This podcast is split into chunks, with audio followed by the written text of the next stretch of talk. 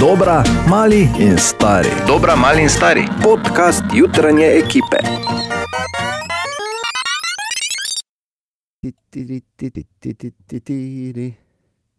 U. A, se čujeva. Kabor je tu ali jajce, še res, še vedno. Ne, Šla sem mu povedati, naj pride. on v bistvu zdaj sedi in gleda v nikamor. Dobro, te pa začnemo, kaj že Ne, snimaš? Uh, bo dejan mikrofon na kameri izklopi, ker si dupli, A, sorry, sorry, sorry, sorry, sorry. Kaj pa zdaj? zdaj pa si enojni. Enojni sem, enojna si ti. Hvala, to je pohvala. Vsak od nas je enojen. Enkraten bolj ne, ampak No, pač zdaj mogla sem to Eh, ne besedo med izkoristiti v nekem kontekstu. enojn ali pa annoying, ne, sumljivo blizu je po tem, kako zveni. Za mlado generacijo, ki ne dela razlike med angliščino in slovenščino, ne, je to tako isto že. To si pa res zdaj dobro pribil, ne? Ja, no, Hvala, povem ti. cenjeni sodelavec. Za mlado generacijo se imaš, kot ja, mi dva ne vem, če smo. Jaz sem mlada Mi dva generacija. smo na meji. Najmlajšejša. veš, že Malo, ja, 30, kavoha. Dobro, dobro, petek je, ne, da nekaj čeblat in uh, se zagnat v podcast, kolegice in kolegi. Kak dan začneš ti? Koliko nas te je? Drage podcastice in podcasteri. Pa dobro, kam je že, Pa 98. pa še oponaša. Neverjetno. ja, no, vidiš. Še minuto nazaj je žr jajce in to oplojene. Prvič, vemo, da so neoplene jajce, ker frasa so vse neoplene, dva, dve so v Ne, šmurnu noter že. Ne veš, v bistvu ne. Vem, Ne veš, če Vem, so ker oplojene. sem ali se z. Markotom, v, gledaj, za razliko od tebe, zdaj spoznimo, odkud primo hrana, kam hrana dela, prej k, me- k meni in vse. In je Marko rekel, da te jajca so neoplojene. Ja. Pa, gospod, Ste čuli to? stelil bom dva medveda, da bomo imeli za večerjo doma. Normalno, in to na No, poti iz še kaj službe. dobro, medvedje meso. Kaj ste Mm. jedli včeraj? Šapke, od medveda, ne, ne, pečene. Kaj, če se ne bi pogovarjali o hrani več, prosim? Ja, res je. Jaz sem danes samo en mizerni jogurt, pa banano imel za zajtrk. tako Da, uh. Mislim, vse je bilo na dobro, samo kaj pač Hujše, zopet ali kaj pred poletjem, a kaj se Eh. dogaja? Fertik je. Ne, mislim, konec je res. ja, okay, tako dajmo, bomo posneli to ti. Ja, se smo že v bistvu, zdaj vse To snemamo cel čas, ali Ana kaj? snema. To si, To je pogled v zakulisje teh kvalitetnih debat, Ja. ko, ker ko tako pogledaš, je čudež, čudež, da mi tudi to osnovno ven spravimo, kar spravimo. Samo Ja. Samo Res toliko. In če ne verjameš, prisluhni, tu so v bistvu ti posnetki, oziroma kot bi bo rekel, jaz kot tebe oponašam ne Uživaj. tako. O, ja. Jaz pa kot tebe oponašam, ko mene oponašaš, pa zverim tako. Bolj sem pa jaz slabe oponaševalec, evo. Kaj? Uživaj, se čujemo vsako jutro ob Uživaj petih. ti. Adijo! Aj ti mu je rekel. Kakšna grožnja. Želimo dobro jutro. Dobro jutro. Dobro jutro. Dobro Ja, jutro! Pa je tudi uradno šel vikend, adijo. Um, nov teden, naj povem pa tudi, da ga začenjamo z bombastično novico, sploh za, za nas v naši jutranji ekipi, kjer se bo, kot kaže, po dolgih letih uh, uresničilo. Namreč, eh, ne vem, če ste prebrali, ampak Elon Musk bo na mednarodno vesoljsko postajo, torej v vesolje, poslal lignje. Mi pa vemo, ko ga že od nekdaj lign kličejo, ne bor. Želimo dobro jutro. Dobro jutro! Dobro jutro. Ja, servus.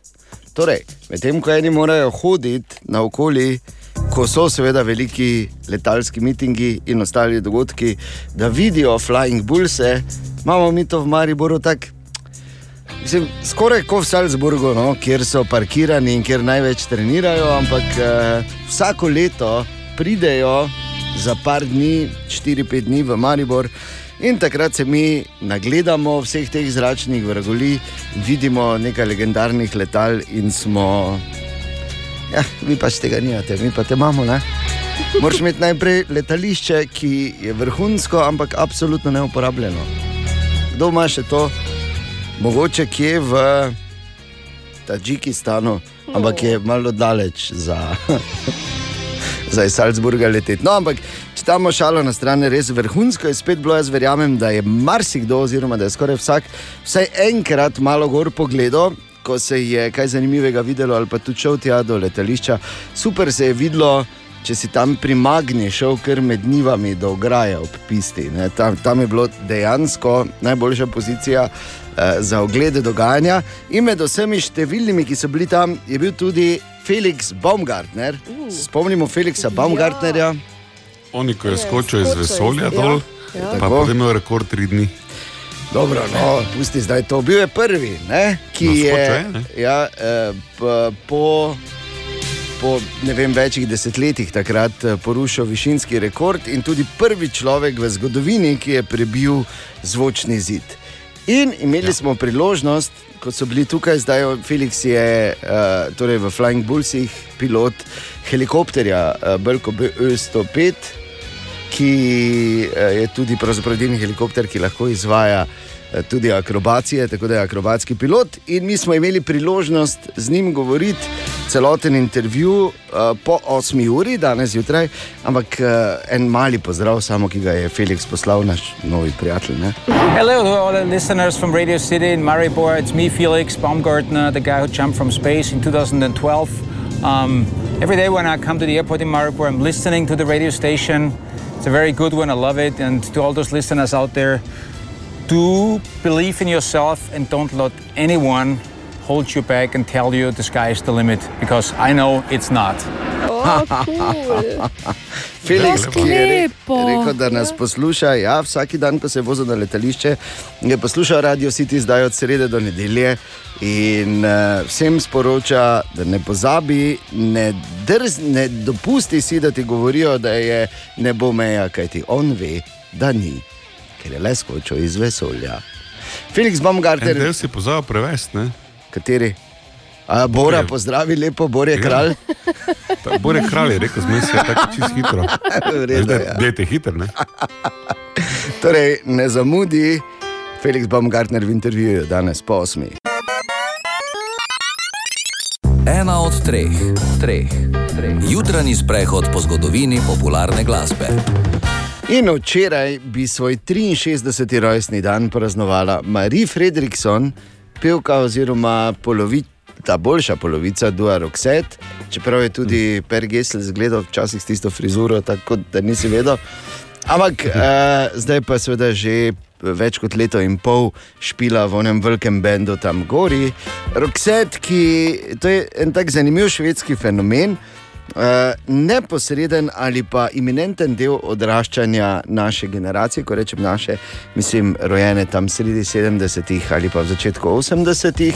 Ampak nikoli nisi tak bil, veš, ono, kaj ti poslušaš, rokset, ne. Tak, ni, nisi se zdaj Se hvalil. pa vsi, ne, po, pa- se vsi poznali, noben se ni hvalil, vsi so poznali. ne. Točno to. In potem, ko za nazaj, ko pa danes, recimo, slišiš hite, kot so The Look,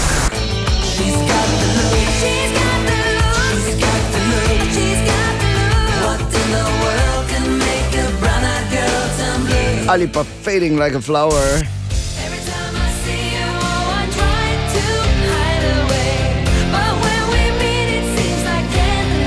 Ali pa Dressed for Success.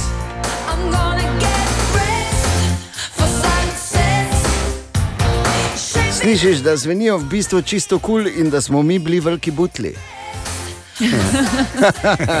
A, še eno sem pozabil.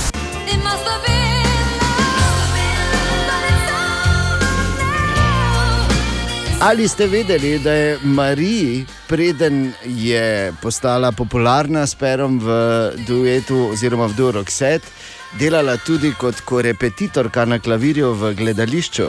Uh, Ja, zanimivo. tako kot Oto v Mariborskem SNG-ju. Ona je špilala, baletniki so pa plesali. Lepo, ne?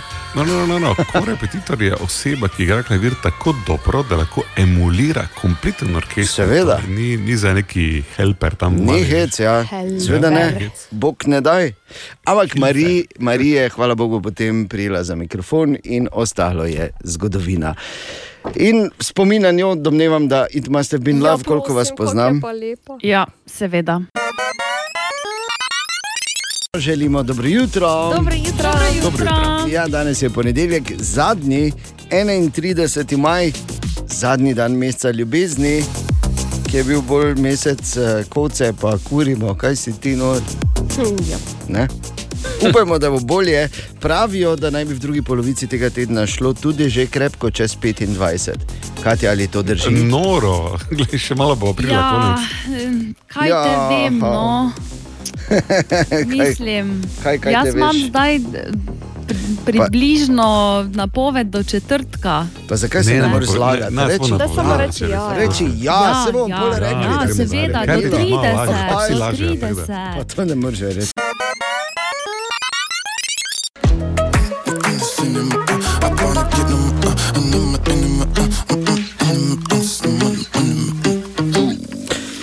Še enkrat, ne morem mimo tega, tako bi jaz lahko tudi repal posod. Da, če kličem Bon Jovija ali pa kogarkoli, če rabi reperja, mm, s- mm, mm, mm, mm, Nočem Samo te pač motiti, ne?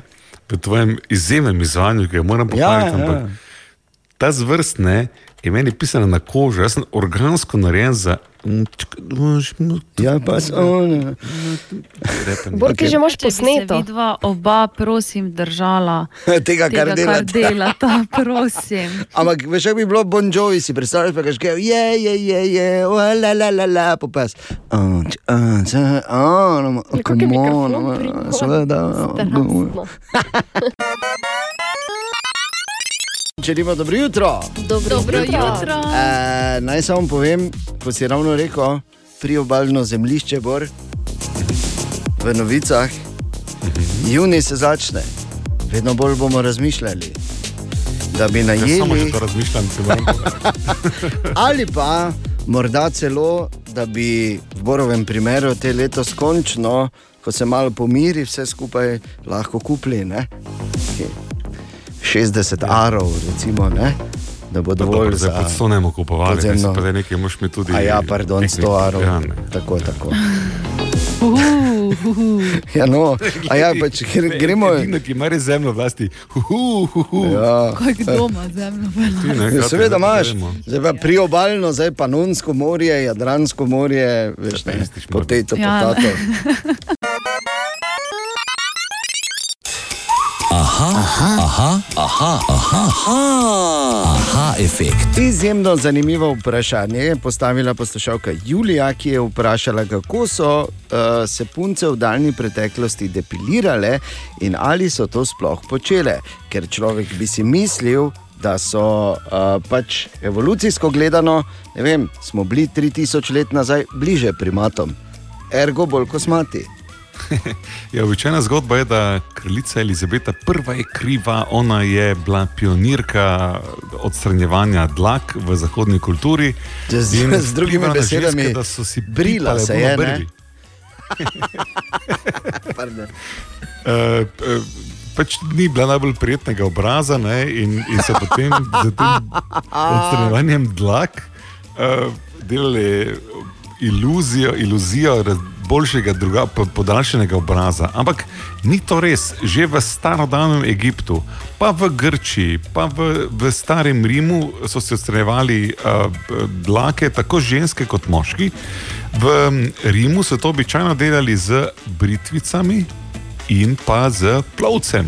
Plovec je tisti kamen, ko je, je vulkanskega izvora in ima toliko Plava. da ima zrak in plava, pa strugamo si pete, ne? z njim včasih.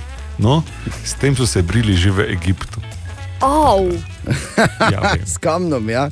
Naj samo No, vprašam eno drugo stvar, ker je uh, kralj uh, starih žaljiv, ki je spet vsekal, ni bila najbolj prijetnega obraza. ja, no, če res. V bistvu to je tako, da te nekdo z svileno ruto zadavi. Tako je toplo. Ali tudi vi pogosto totavate v temi? Aha, efekt, da boste vedeli več. Kot rečeno, Felix Baumgartner je bil v našem mestu od srede do nedelje kot del Flying Pulsov. Človek, ki je eh, pred devetimi leti skočil iz stratosfere, iz več kot 39 tisoč metrov s padalom. Letel po zraku 1357,64 km/h in postal prvi človek, ki je prebil zvočni zid v prostem padu. Sveda, mnogi imajo v spominu, ali pa ko pomisliš tudi na tisto njegovo legendarno sliko, ko je sedel na roki Krista Redentadorja v Riju in pol dol skočil, uh, base jumpno tam pa v tisto jamo na Hrvaškem, pa kaj vse še ni naredil. Ko je skakal iz, ene, uh, iz enega mostu v Panami, so ga celo zaprli za pet dni. Skratka, Felix, oziroma Fearless Felix, kot ga nekateri tudi poznajo, je bil v Mariboru in imeli smo priložnost govoriti z njim. In jasno, prvo vprašanje je bilo, Felix, kak je nekdo kot ti, ki seveda rabi veliko vsega, kot pač imamo občutek, no ali pa si mislimo, preživel lockdown. Well, first of all, hello back to all those listeners from Radio City Maribor. Very honored to be on your show. Um, lockdown, yeah, it's there's. I did my last air show in in Texas, 2019 October.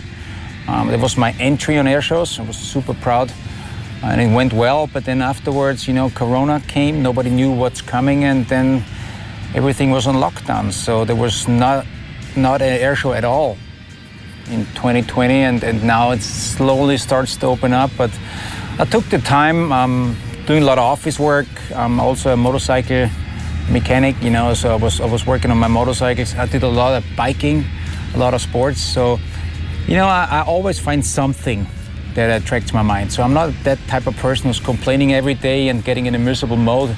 I'm that type of person who's always using the time to my own advantage. So lockdown to me was not a problem.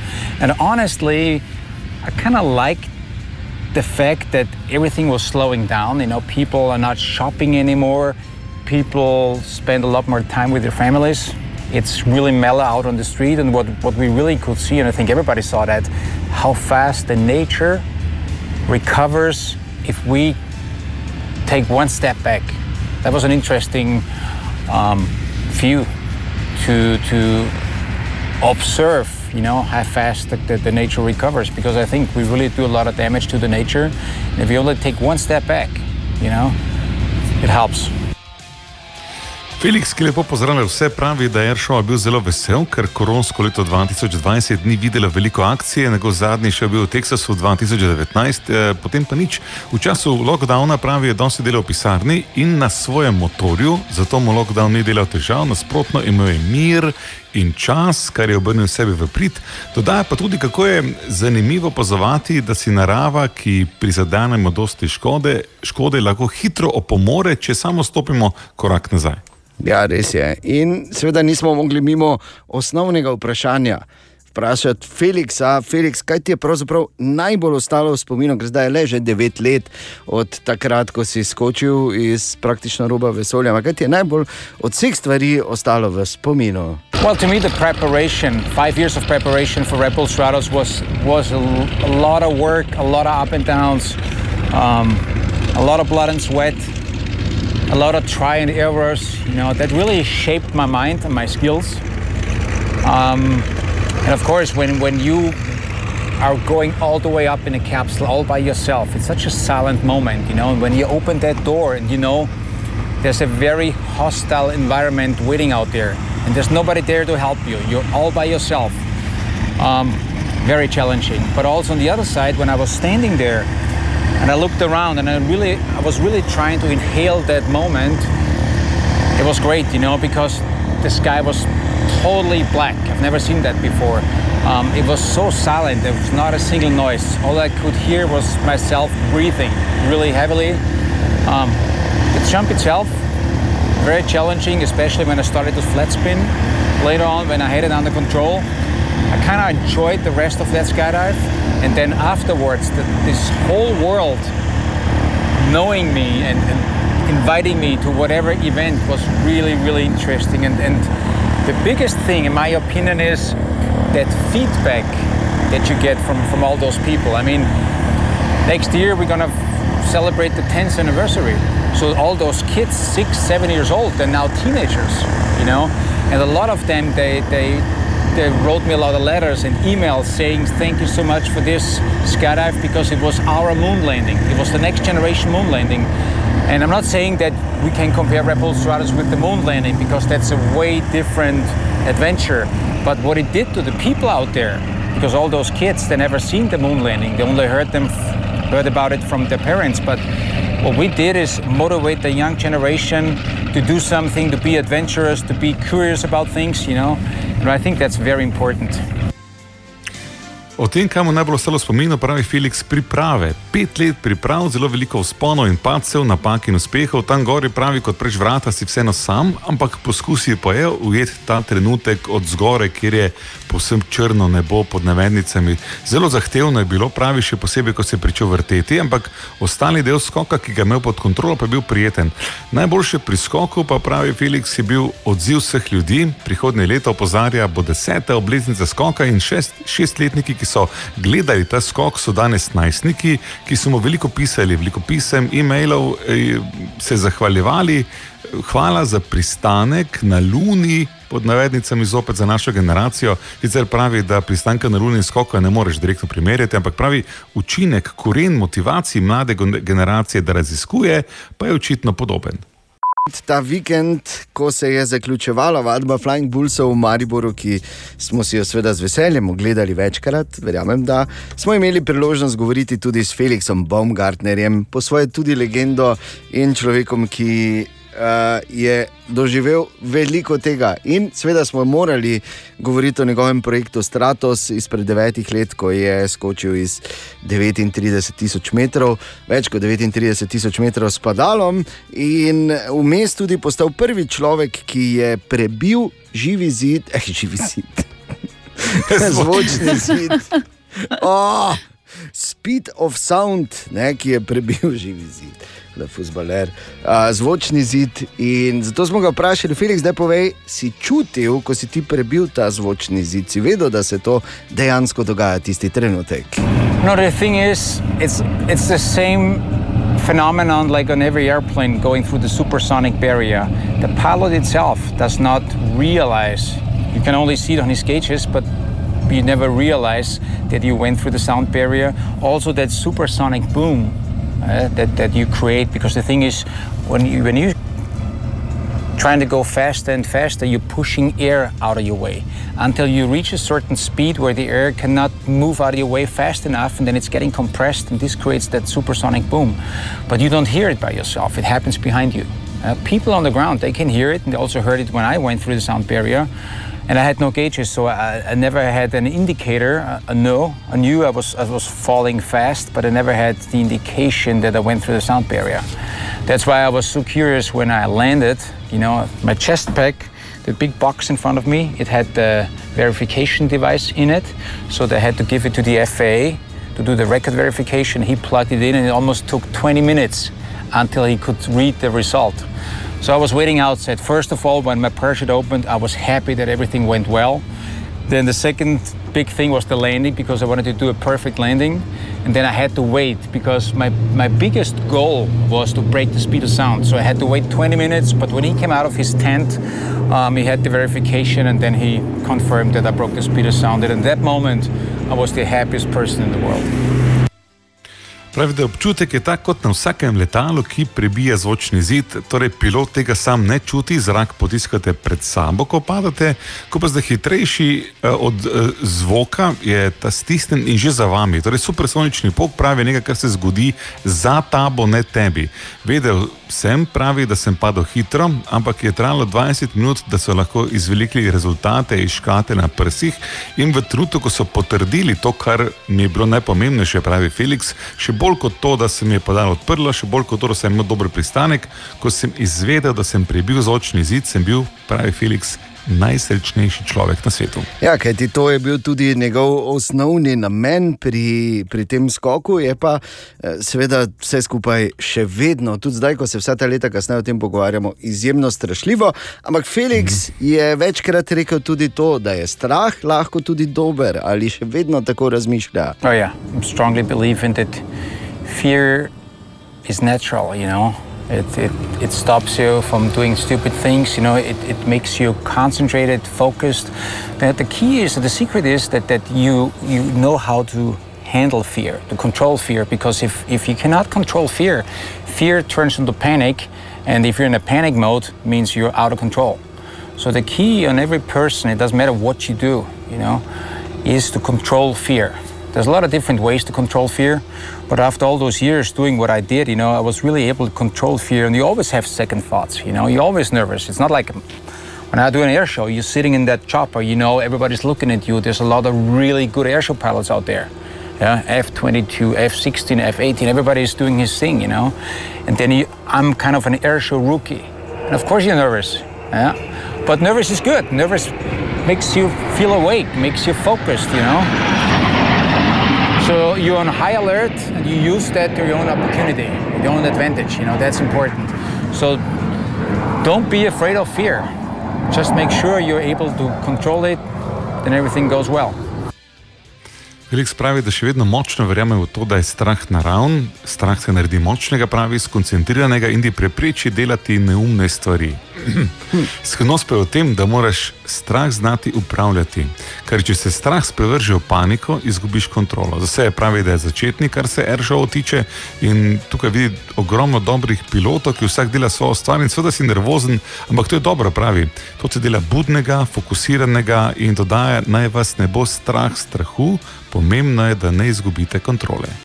Torej, ta vikend, ko se je zaključil trening Flying Bullsov pri nas v Mariboru, na Mariborskem letališču, smo dobili ekskluzivno priložnost, da se malo pomenimo s Felixom Baumgartnerjem. Obilo zanimivega smo že slišali eh, od osmih, mimo grede, če si zamudil ali zamudil intervju, ga bomo objavili tudi na našem SoundCloudu, brez skrbi. Ampak to še ni bil konec naših vprašanj. Felixa smo seveda morali vprašati ali pripravlja kak nov ekstremni podvig. Well, there's always something that I have in mind. It's just too early to talk about it, but it definitely involves a helicopter, um, a Bo 105. Right now, I'm working on my on my aerobatic skills. Because the thing is, if, if you, you fly aerobatic, it, you're never done. There's always progress. There's always something to learn. You, you're never there. You're never happy. You know, you do an air show, you, you do a practice session like yesterday or today, and some maneuvers are good, some maneuvers are not perfect, and you're always seeking for perfection, you know? And honestly, you will never find it. So it's an ongoing journey, and you, you never reach your destination. And that's why, why I love it so much because it really, it really, it's really challenging. And that's what I, what I love the most, you know, to challenge myself with whatever it is. I'm trying to become better and better, and it's an ongoing search. Felix pravi, da se mu vedno nekaj plete po glavi, da je sicer še prezgodaj govoriti o tem zdaj, ampak definitivno pa vključuje helikopter.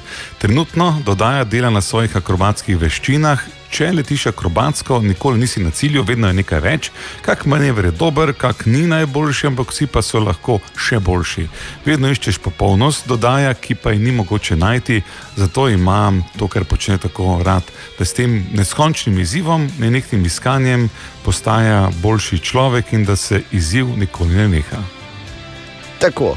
In Felix, ki je povedal nekaj zanimivih stvari, je na koncu. Uh, seveda, še enkrat se moramo spomniti, to smo sicer danes že enkrat slišali in s tem posvetilom je čisto kupil našo Katijo, ki bo zdaj začela se učiti Ja, no. helikopter, ne? voziti Ja, pa skakati. Preveril sem, je malo vmes, veš, ti moram povedati. Eh, njegova partnerka obstaja, eh, sicer Ja, ja, ja, zvest izjavi je ni poročil, ampak je pa ena zelo dolgo noga uh, uspešna uh, Romunska. kar pa štejem v tvoje dobro, ne? je pa da je televizijska voditeljica, tako da veš, v branži ostane, če na te je prišel ta. Oj. nehaj, no. Okay, Felix je vsem sporočil tole. Hello to all the listeners from Radio City in Maribor. It's me, Felix Baumgartner, the guy who jumped from space in 2012. Um, every day when I come to the airport in Maribor, I'm listening to the radio station. It's a very good one. I love it. And to all those listeners out there, do believe in yourself and don't let anyone hold you back and tell you the sky is the limit because I know it's not. Evo. Torej, Felix Baumgartner, človek, ki je skočil iz vesolja leta 2012, je vsak dan na poti na Mariborsko letališče poslušal Radio City, radijsko postajo, za katero pravi, da je zelo- da je zelo dobra. Um, verjemite v sebe, dodaja, ne pustite, da vas karkoli ali kdorkoli drži nazaj in vam govori, da je ne bo meja, ker on ve, da ni. In mes je rekel tudi Borje kralj, ampak to se nekako ni slišalo. Ne? ne, Tako, to- tako. Felix Baumgartner je bil to ekskluzivno pri nas na Radio City. Želimo dobro jutro. Dobro, Dobro jutro. Evo, torek, 1. juni, še ta mesec, pa bo polovica 2021 mimo, ne nas sploh govori, kaj gre čas. Ampak 1. juni ni navaden dan. to je, samo malo. To je dan pehote slovenske vojske. Tako da, če bi vojak generacije 1892, tako, imenov, tako imenovani Avstro-Ugerci, so bili, okay, se vseeno, ampak ne čiza res. Vojak generacije, kdaj je bilo 99, bor, 98, 97. Veš, se ne spomnim. Tu točno, nekje, skratka. Tu ja. nekje, ne. okay, samo malo. Vojak generacije, desetni grajner, izvoli. Pehota slovenske vojske, mirno, na mestu odmor. Cel dan, pa pohano, pa čestitke. Še enkrat želimo dobro jutro. Dobro, Dobro jutro. jutro. A, kaj pa, ko bomo od četrtka dalje spet lahko šli v Maribox? okay. Počasi. Kino se odpre. Ja, no. A To tudi, kaj še kdo ve, kaj je Je. kino. Ja, mislim, tako je v spominu, še imamo nekje spodaj levo, mislim, nismo mogli niti kinoiti, pa, pa pojesti 100 kg kokic, pa spiti 3 litre Coca-Cola, pa kaj smo barbari, postali popolni barbari. Ne, ker če Veš si bil en pravi, kronski- si eh, pojedel en, en pakl kokic že pred začetkom. No, ja, seveda. To je res, ja. Ampak veš, kaj je koronski dokaz tega koronskega časa? Da nisi zaradi kina debeli. Ker kina ni bilo, pa kokic, pa ne vem, če je šlo kaj dol. E, to, to je posebna zgodba, veš, ker jaz vem, da ti govoriš iz vlastnega izkustva. ne? Ja, res je. Uh, ampak, eh, če se ne odmaknemo od dejstva, torej odpira se počasi, zdaj od začetka filmska ponudba, še ne bo zdaj ravno vrhunska, ampak že čez kakšne dva, tri tedne, pa se že začnejo malo bolj resne stvari. Tako Da bo, ampak še vedno se veš, v kino vse dvorane bodo lahko zasedene do 50 odstotkov, vmes bo sedež, uh, sedež Ferrari, če nisi ravno z iste familije. Uh, in uh, tudi PCT pogoji veljajo. Ne? Ampak, kar je zanimivo, ne za mlajše uh, od 18 let, če so ti v spremstvu staršev in potem starši jamčijo za svoje otroke, starši pa seveda so preboleli ali so cepljeni ali so testirani. Tako razlaga uh, direktor Mariboka Stipe Jarič. Upamo seveda tudi, da bo ta pogoj še nekoliko spremenjen do četrtka. Prav tako upamo, da bodo odgovorni, s tem mislim na Ministrstvo za kulturo in pa strokovno skupino, da bodo odpravili tudi prepoved uživanja hrane in pijače v kinodvoranah. To je en tak pogoj, ki je nerazumljiv za nas, em, ki je tudi diskriminatoren, eh, saj tudi v restauracijah eh, tisti, ki imajo PCT pogoj izpolnjen, lahko normalno uživajo v hrani in pijači. Ja, diskriminatorn, diskinomatorn je v bistvu. A, se ta- menimo o tem, da v restavraciji ti hodiš okoli, recimo za kura v lapah, ne? v kino, Če, če, ti se prvo ti- vstati. Ker ti delaš, kakšne restauracije hodiš. No, No, ampak pač ja, imaš prav, jaz si dosti bolj statičen v kinodvorani. In zdaj to, da ne moramo jesti, pa piti not v kinodvoranah, ko se odpre, to je malo tako, ne? Zelo nekulturno od kulturnega ministrstva, da se ne moreš kulturno nažreti zraven, ko gledaš kulturni izdelek. Ja, res je. ne, sej, jaz verjamem, da se bo tudi to sprostilo, ampak kar je bistveno, torej še en korak v smeri vsaj neke delne normalizacije, ker ko se pa kino odpre, ne, pol pa veš. Ne, In pol je to tudi zdaj priložnost, da seveda vse te uh, slabe šale uh, korajberov, ne, ko rečejo, ja, kako bomo šli v kino, če en sedeš fraj vmes, se pa veš, da segnemo. Ne. Kakva je se. Web, web, web, web check. Torej, Katja, kaj pišejo? Potem, ko so lani modno industrijo popolnoma obnorele kolesarke, se letos Lahko samo še enkrat, prosim, lepo, ko so rekli kolesarke, samo še enkrat. Pa da jaz jih Hvala. pa nosim. Tudi jaz, tudi jaz. Ja, Pa ko ne na greš na kolo. kolo, ne? Upam, da.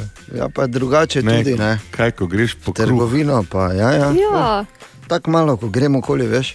pa da. Da, malo tako, Kaka sta, kot da sploh ne se vidi, razumeta. ker drugače samo tako vidiš, ker sem pač malo nižji, samo teme moje. Ne? Zdaj pa, ko grem v vinek, ne? še malo veš, da fuf, se naredi, da se vidi, ko meso zavije. Ne? To je bilo res eno od najboljših pogruntavčnih, super, res sem tako hvaležen. Nič me v koraku več ne veže, kar nosim kolesarke. Hvala, modna industrija. Dobro, Katja, pardon. Mene pa je ustavilo, zdaj vse me je zarezalo. To je, ne?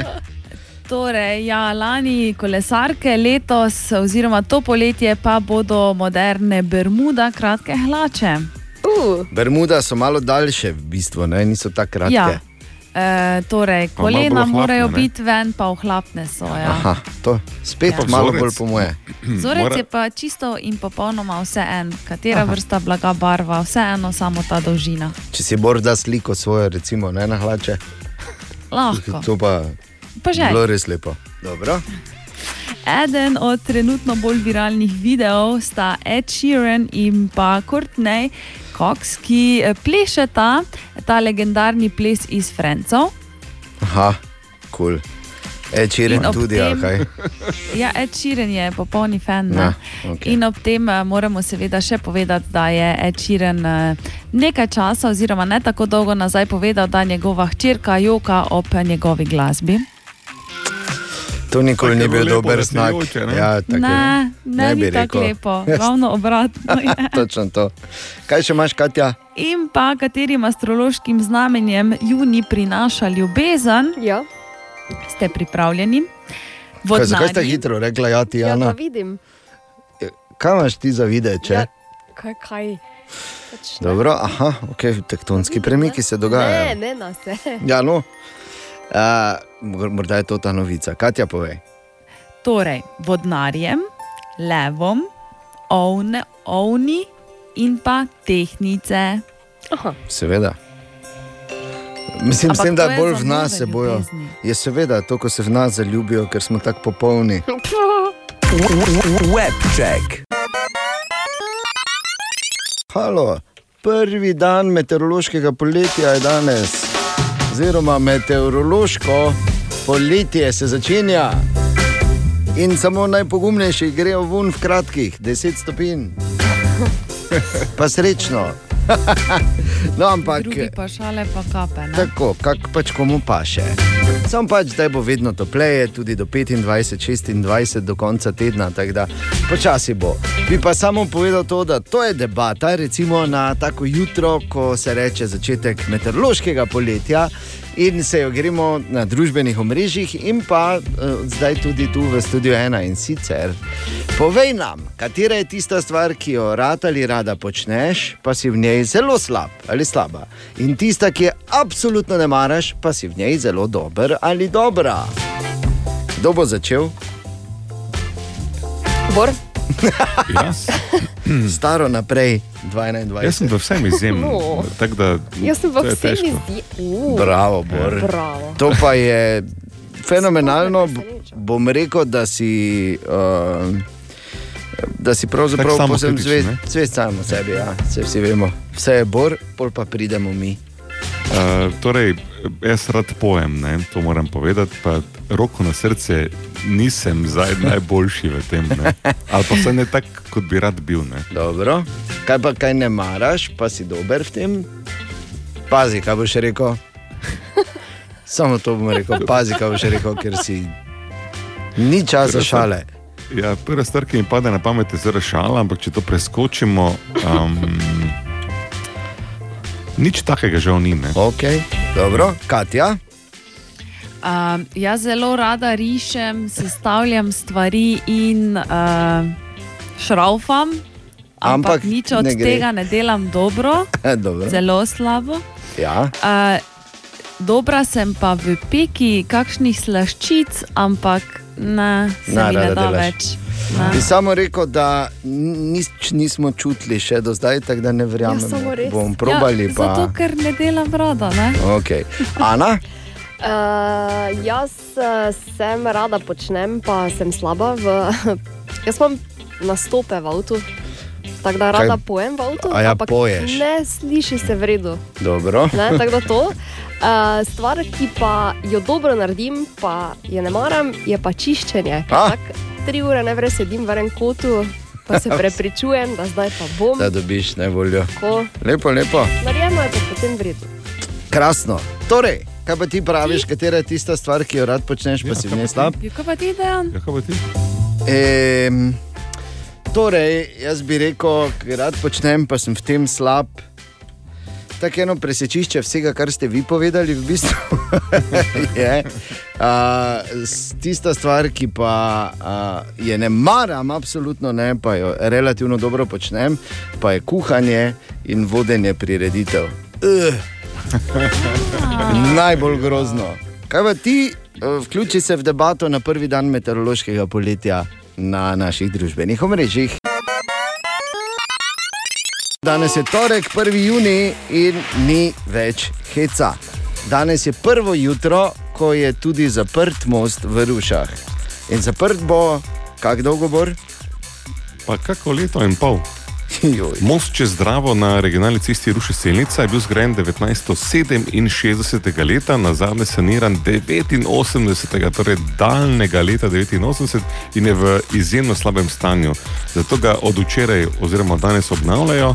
Zaprt bo kako leto in pol, načrtujejo pa razširitev s pločnikom na eni strani in na drugi strani dvosmerno kolesarsko stezo. Tako da eh, ta kratka pot ne, bo zdaj naenkrat dolga 25 km. Plus. Jo, ja. Ja. Uh, Tako da dodatne obremenitve zagotovo tudi v mariborskem mestnem prometu, kjer pa tako ali tako že imamo tudi dosti zaprtega, sploh ko govorimo o središču. Najbolj obremenjen pa bo zagotovo Koroški most. Tako da vprašanje, ki je na mestu, je, ali že kdo kaj čuti na cesti. Uh, to zaprtje mostu si v Rušah, si hotel celnico danes zjutraj, kje si šel ali šla. Imáš kakšen nasvet, kakšen namig, kaj opažamo, ali je kaj drugače kot običajno v torek zjutraj eh, na cestah tukaj v našem mestu, kot sem dejal na Koroškem mostu ali kje.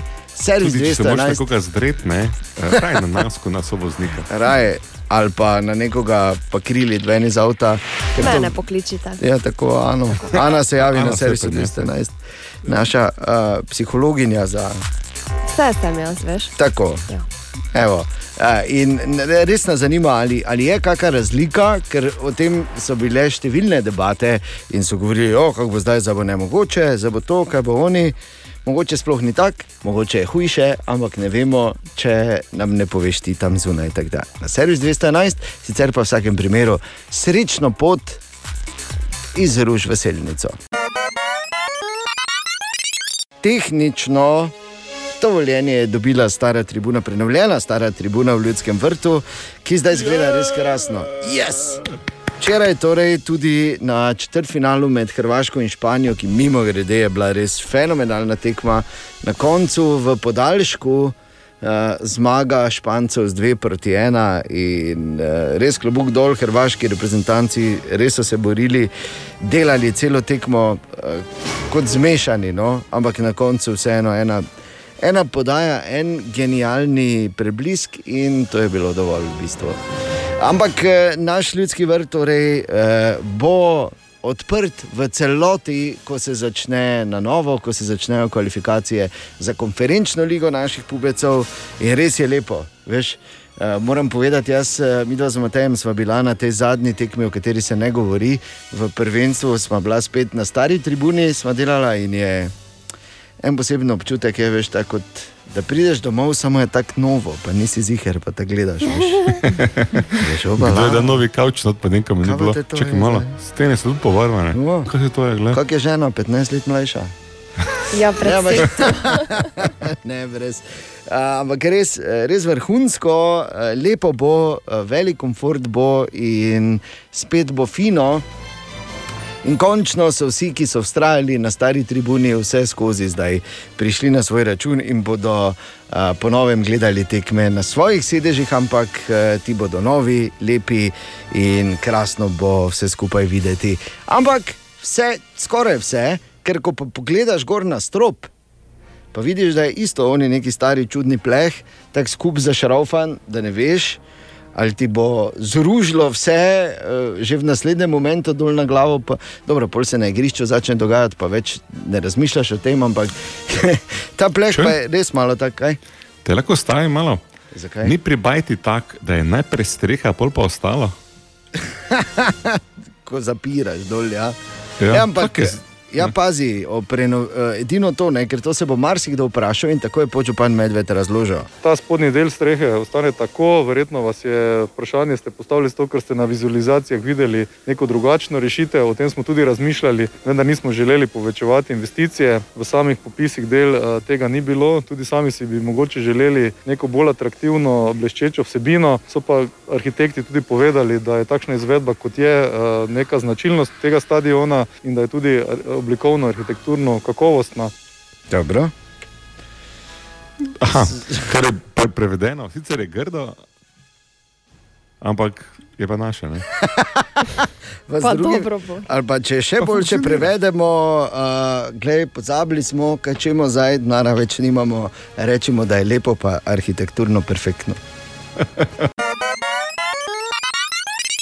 Potem, ko so nekaj časa imeli politiko, ali pa je bilo dovoljeno imeti enega otroka, pol so nekaj časa imeli dovoljeno imeti dva.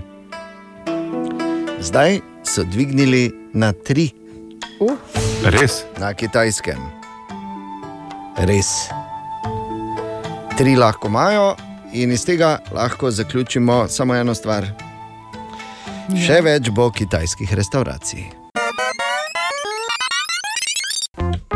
O, Tine! Dobro jutro, Tine, Dobro jutro. živijo Jutro.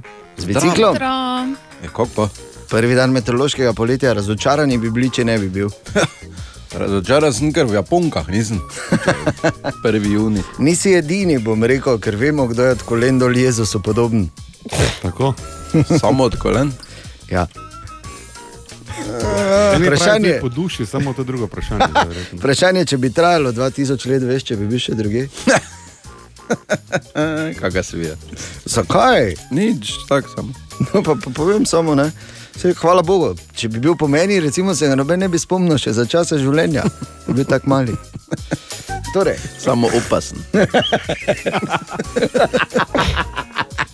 Spomniš ti, ko si menili potem tam leta ne vem, 78, se spomniš Jezusa, ti ja. Tako bi bil mali, samo opasen. Bi taki mali križ bi tebe dali. Pa daj, ne. Ja, no kaj je? Tako je na pokopališču za male živali. Tako bi jaz bil vrn.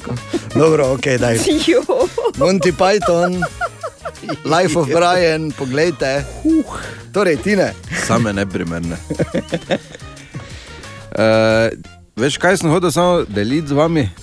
To bo Dejan še najbolj razumel, verjetno. Ne vem, kak je, kaj je že- tvoje že šel, sta šla na končni izlet? ali A ja, še ne ni? še. Letos ne, no. Ja, Mika je dan šel. Da nehaj. Ja. Sendviči. In to sem hotel reči, ker sem zjutraj sem več delal, pa sem bil tak, kaj si ti nor. Lepo, ja. Tak te, pa je že kar nekaj časa od tega, ne? Pa te tako vrže nazaj, ono, kak je, kak je fajn oni sendvič. Najboljši Pa en sendvič na avtobus v Pariško odvil, ne? Pa si šel v cisterjanski samostan, ne? v stično. Salam. Ja, Kaj si ima ta noter, Tine, v sendvič?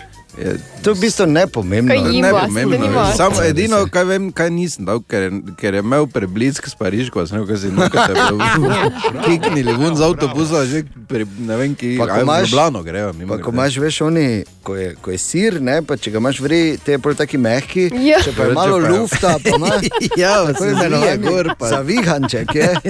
trdi zavijan. Trdi zavihanček.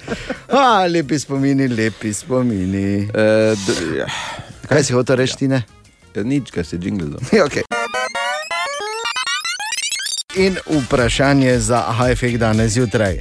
Katja, Danes imamo vprašanje Matica, ki nam je pisal na Facebook eh, in pravi tako, ker vedno govorijo o živalih, ki bodo ali pa lahko izumrejo, ali obstaja tudi kakšna rastlina, ki je imela v zadnjih letih vsaj možnost izumreti. Vem za eno, za katero je bila tragedija, če bi izumrla. paradajz, ne? Zamija. Tudi, da gremo dalje. Hotel sem biti samo pač prijazen. Te- Vse smo A te ja. razumeli, Bor. smo te, samo nismo hoteli v tej smeri. Ampak, glej, če siliš, naj samo povem, da največja uh, v bistvu, tragedija ali pa ena največjih tragedij bi bila, če bi dejansko se Boru zgodilo, da bi izumrla ta rastlina. To je rastlina, ki uh, pleše na to skladbo. Ne? Si zdaj zadovoljen, Bor? Tako, Smo- vemo, rastline plešejo. ne? Smo počrtali tvojo uh, podobo kul novinarja. Mislim, da uporabljam. ne. In dovolite mi, da povem nekaj o našem Boru. Čez osmo, Ja. ne. A kaj sem rekel? Čez Čez deveto. Je, ker me zdaj čist Ker me mene je zdaj že vrgel. kap, da bom dobila Iz karto tira za me parkiranje. razumeš? 15 minut čez 8, seveda, niti na uro ne vidim več. Naj vam povem o našem Boru. On je preseneto pred nekaj časa, par dni nazaj, ko smo se nekaj pogovarjali, ne vetru, tako mimo, in je rekel, da gleda neko kitajsko serijo ki na Netflixu. In seveda sem jaz kojen šel pogledat, kaj on to gleda. Zdržal sem točno 2 minuti in 13 sekund, dovolj dolgo, da zdaj dobivam za, predlo za predloge na Netflixu same kitajske pa korejske serije, tako da bi se ti zahvalil. Ampak Bor je gledal serijo, ki ima koliko delov 45. in je včeraj zaključil. To je, traja 45 minut, to ti moram to je povedati. En najslabša, kako se imenuje? Ne bom ti povedal, ker Okay, vem, si... raj, ne, to je najslabša serija, ki obstaja, ki moramo vedeti. Ni res, 8-3 ima na IMDB-ju. Katastrofa. 8,3. Katastrofa. In naj samo povem, da um, kar je bizarno, bizarne so seveda vse situacije, bizarna je zgodba, bizarni so efekti in bizarni so tudi igravci. Ker jaz trdim, pri polni zavesti, pa nisem neki igralec, ampak da moja rit na slab dan boljše igra kot oni tam notri. Jaz sem zgooglal vse te tri glavne igralce, to so mladi ljudje, stari od 20 do 27 let, vsi imajo tako ali drugačno izobrazbo, ki je mm. univerzitetna, kar se igranja tiče na kitajskem. Seveda. Mnoge univerze, ki uh, ne učijo igrati. In jaz sem absolutno navdušen nad tem, kako so uh, to starodavno obdobje, ki je v bistvu fantazijsko. ker No, vidite, o tem vam govorim, medtem ko Bor razlaga. Naj vam samo povem, da je ura 16 minut čez 8. Ne padite na te limanice, če vam bo kak prijatelj in vas bo, in bo res hvalil nekaj, ne padite. Želimo dobro jutro, Dobro jutro. Dobro jutro. Dobro jutro. pazi to zdaj. Haha, Se kdo spomni?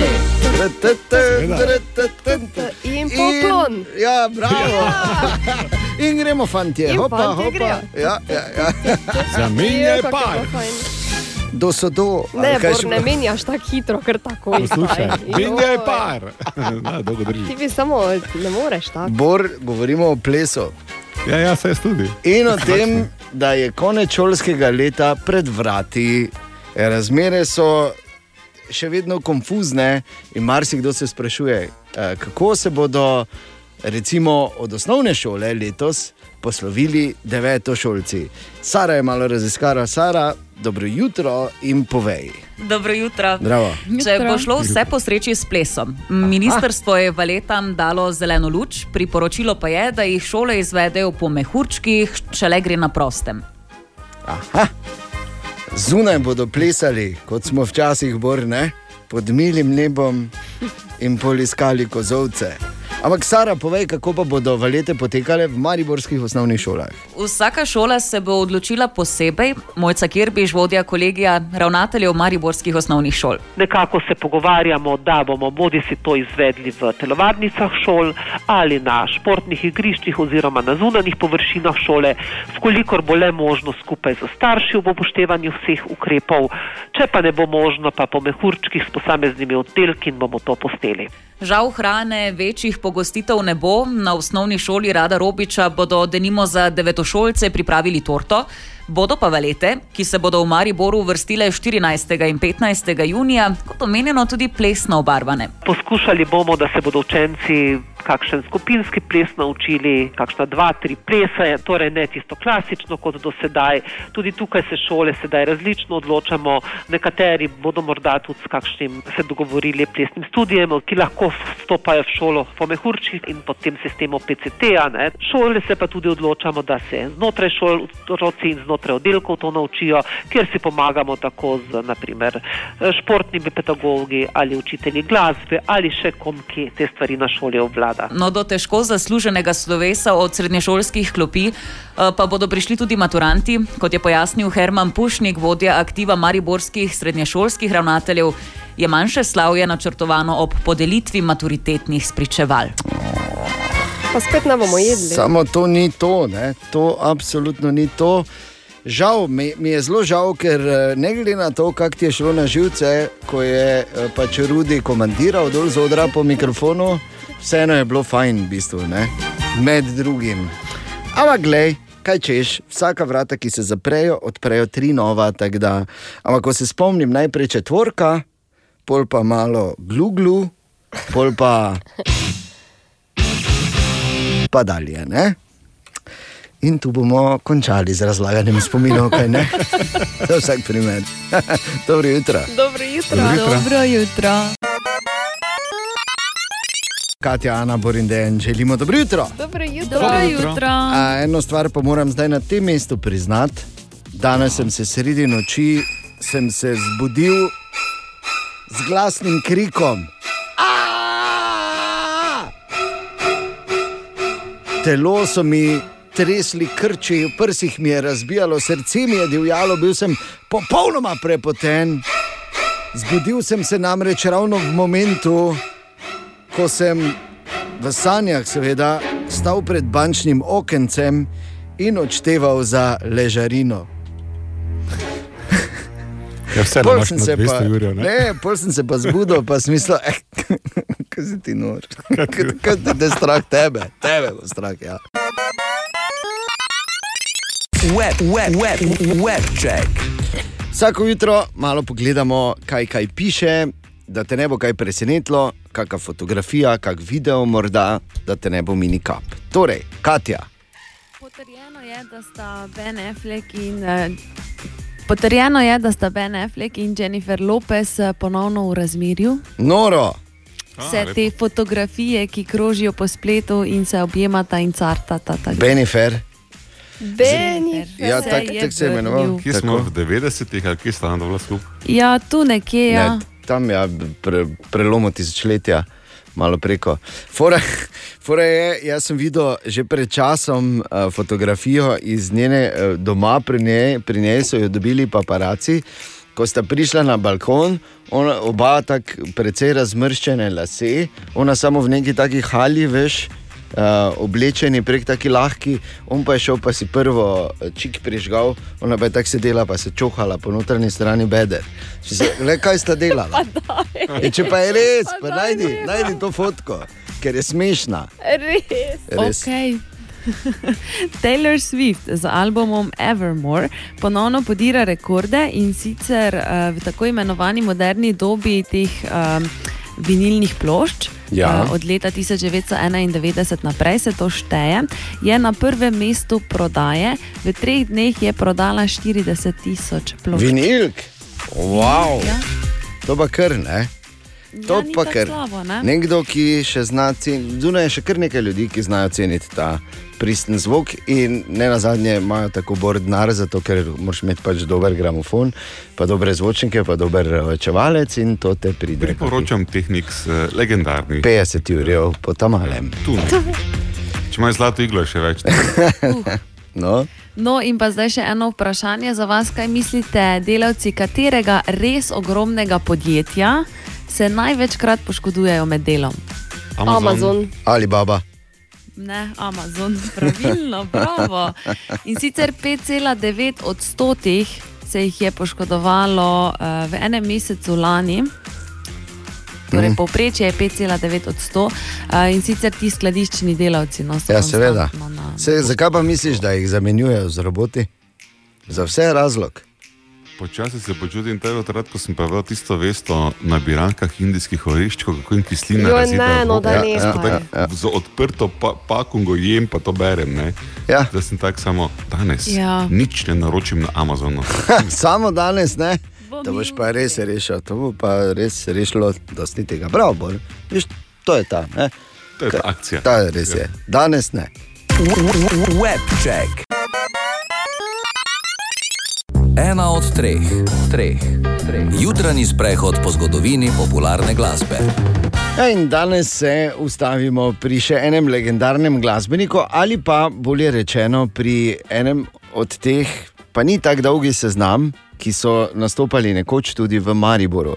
61. rojstni dan praznuje Tony Handley. Uh, frontman Spandau Ballet. Točno. To je eh, legendarna pop skupina, angliška pop skupina iz 80-ih in so eni od najvidnejših eh, predstavnikov tako, tako imenovane nove romantike v britanskem in evropskem popu, ki se je zgodila v 80-ih. Eno je bila nova romantika, eno je bil eh, torej New Wave. In vse ostalo, kar se je potem pač iz tega razpletlo. Še lahko rečem, samo to, kar si rekel. True. ne, I know this much is true. To, kar si ti hotel reči, je gold.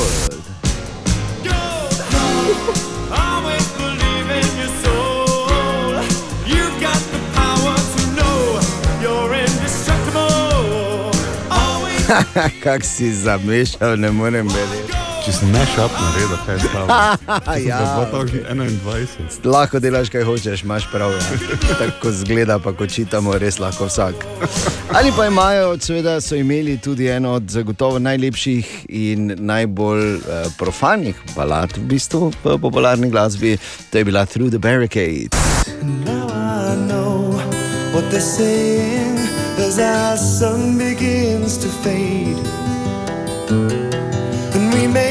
Our love on wasteland and through the barricade. In pa jasno, da kot je Bor, še druga polovica Borovega meša, pa tudi sodi med njihove največje uspešnice.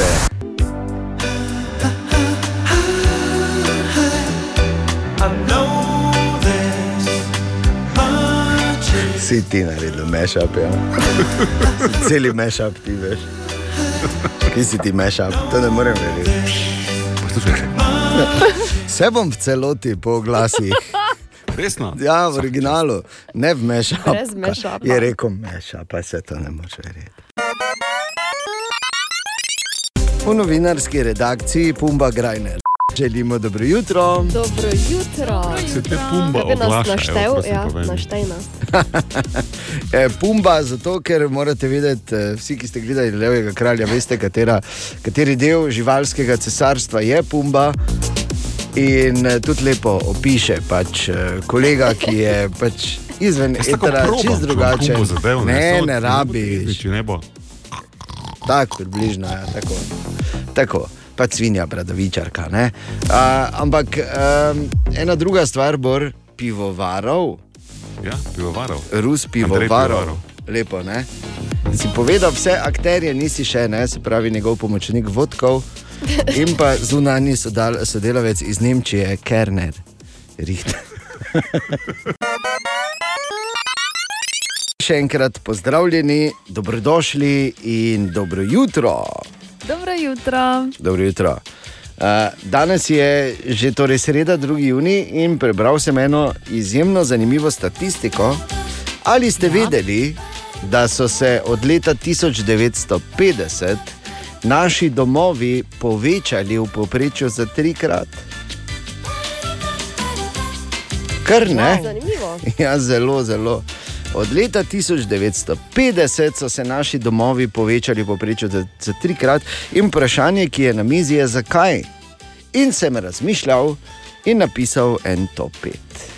Dejanovih top 5, 5, 5, 5, 5. Torej, od leta 1950 so se naši domovi povečali v povprečju za trikrat.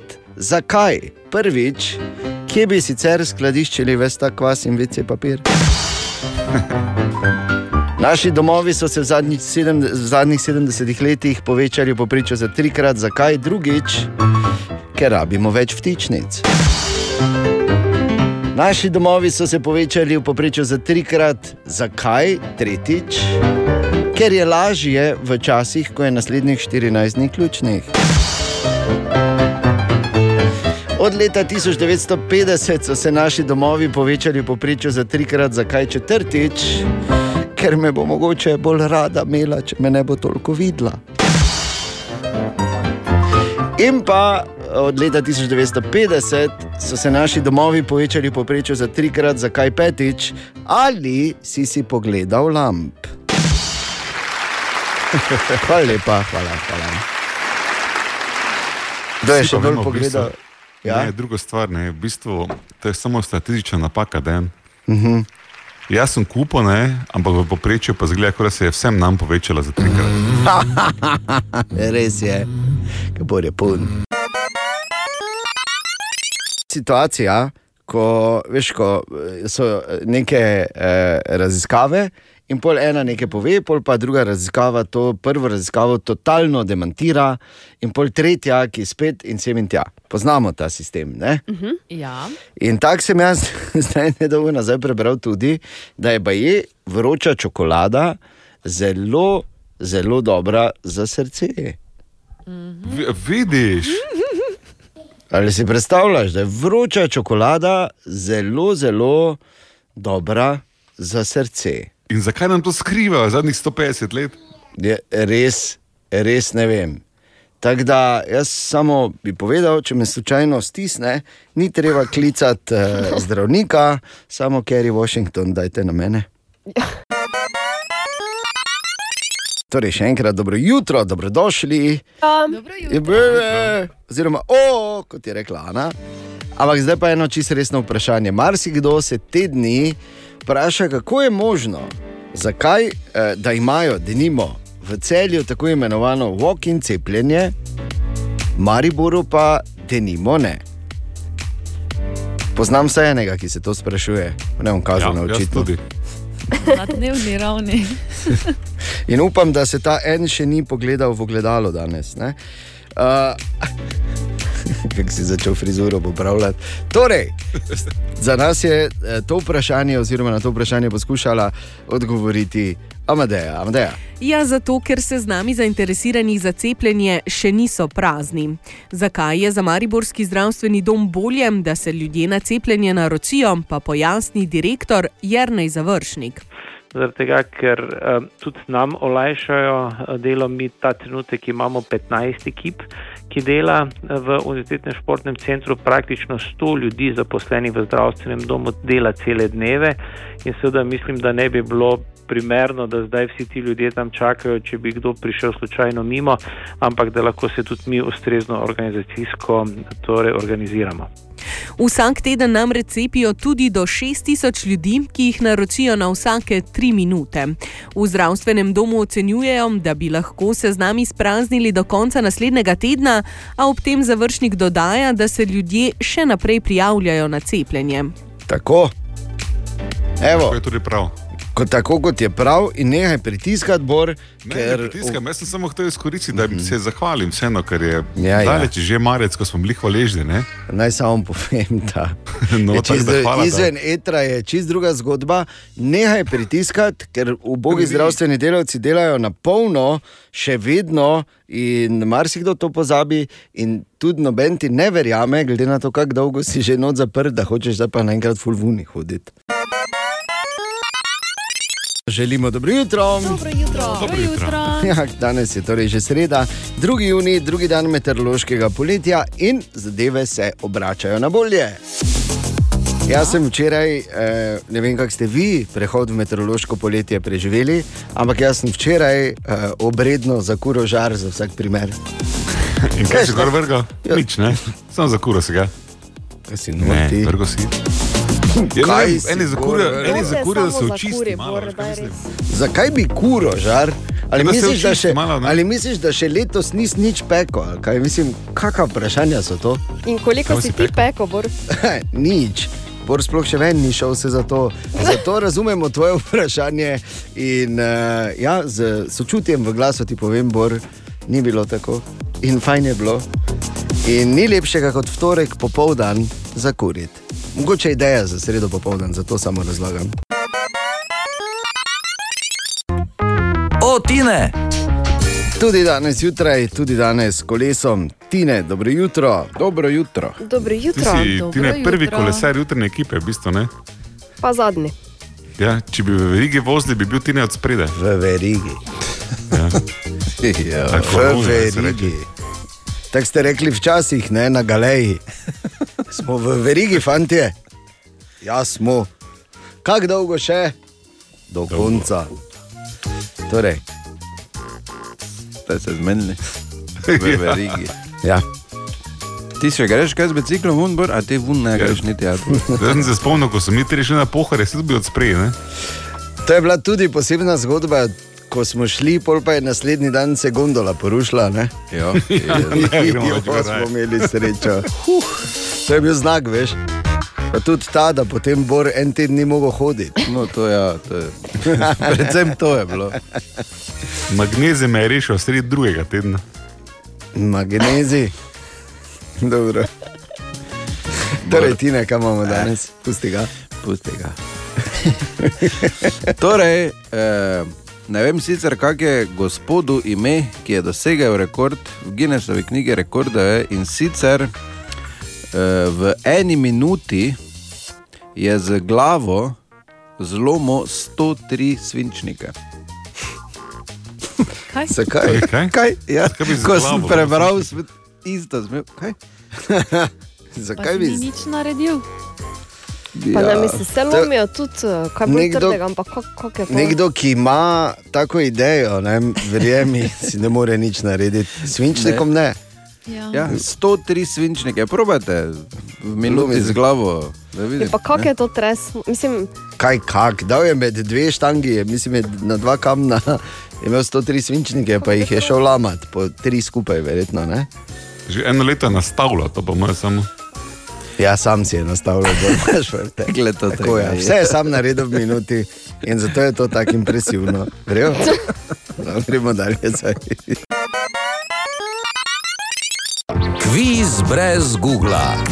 Oh -oh. Torej, Tomaš. Lepo zdrav, danes pa v kvizu brez Google z mano. Tina. Tina in Jrnej. Tina in Jrnej, torej sta z akcijo, sta pripravljena. Ja, id. Ja. Vedno. ok, gremo. Najlažje vprašanje za 10 evrov. Z igranjem katerega športa je zaslovel Roger Federer? Tenis. Tenis, bravo, že imata 10 evrov, super. Gremo malo težje, mogoče. Pri katerem francoskem mestu poteka znamenita 24-urna dirka? Šut. Kako se že reče, 24 ur, pa to mesto. Zdržljivostna dirka. Že dolgo, dolgo, dolgo poteka vsako leto. Dve besedici sta. To pa ne vem, če bi vedel. Prva je na L besedica. Zdaj jaz ne znam francosko. Le, ja. Le. Lemon. Lemon. Lemon, tako, bravo, evo, sta spravila skupaj, evo, super, že imata 20 evrov, gremo še teže, morda bo to za vas zdaj lažje. Bomo videli za 30 evrov, kdo je v filmu Pobegla nevesta igral z Julio Roberts, glavni vlogi. Ne poznam filma, tako da mislim, mislim, da se bo tu vstavilo. Prestari film, Ja. verjetno, ne? Zaključimo. Ja. ja. Ok, čestitke, 20 evrov je vajnih, to je pa bil Richard Gere, tako v Pretty ne, ne Woman, ne isto. že za to, to je ta trik bil. ve. Ja, hvala vam, no, evo 20 evrov. Thank you. Lepo bo ta. Adijo, adijo. adijo. Še najtežje vprašanje je ostalo, kdo ali kaj je kosmata mlečnica? Hm? To je, to je, priznaj, Tomaš, to je mama joke, ne? A, ne, ampak, okay, čiza res. Kosmata mlečnica je strupena goba. Aha, no pa okay. to, no.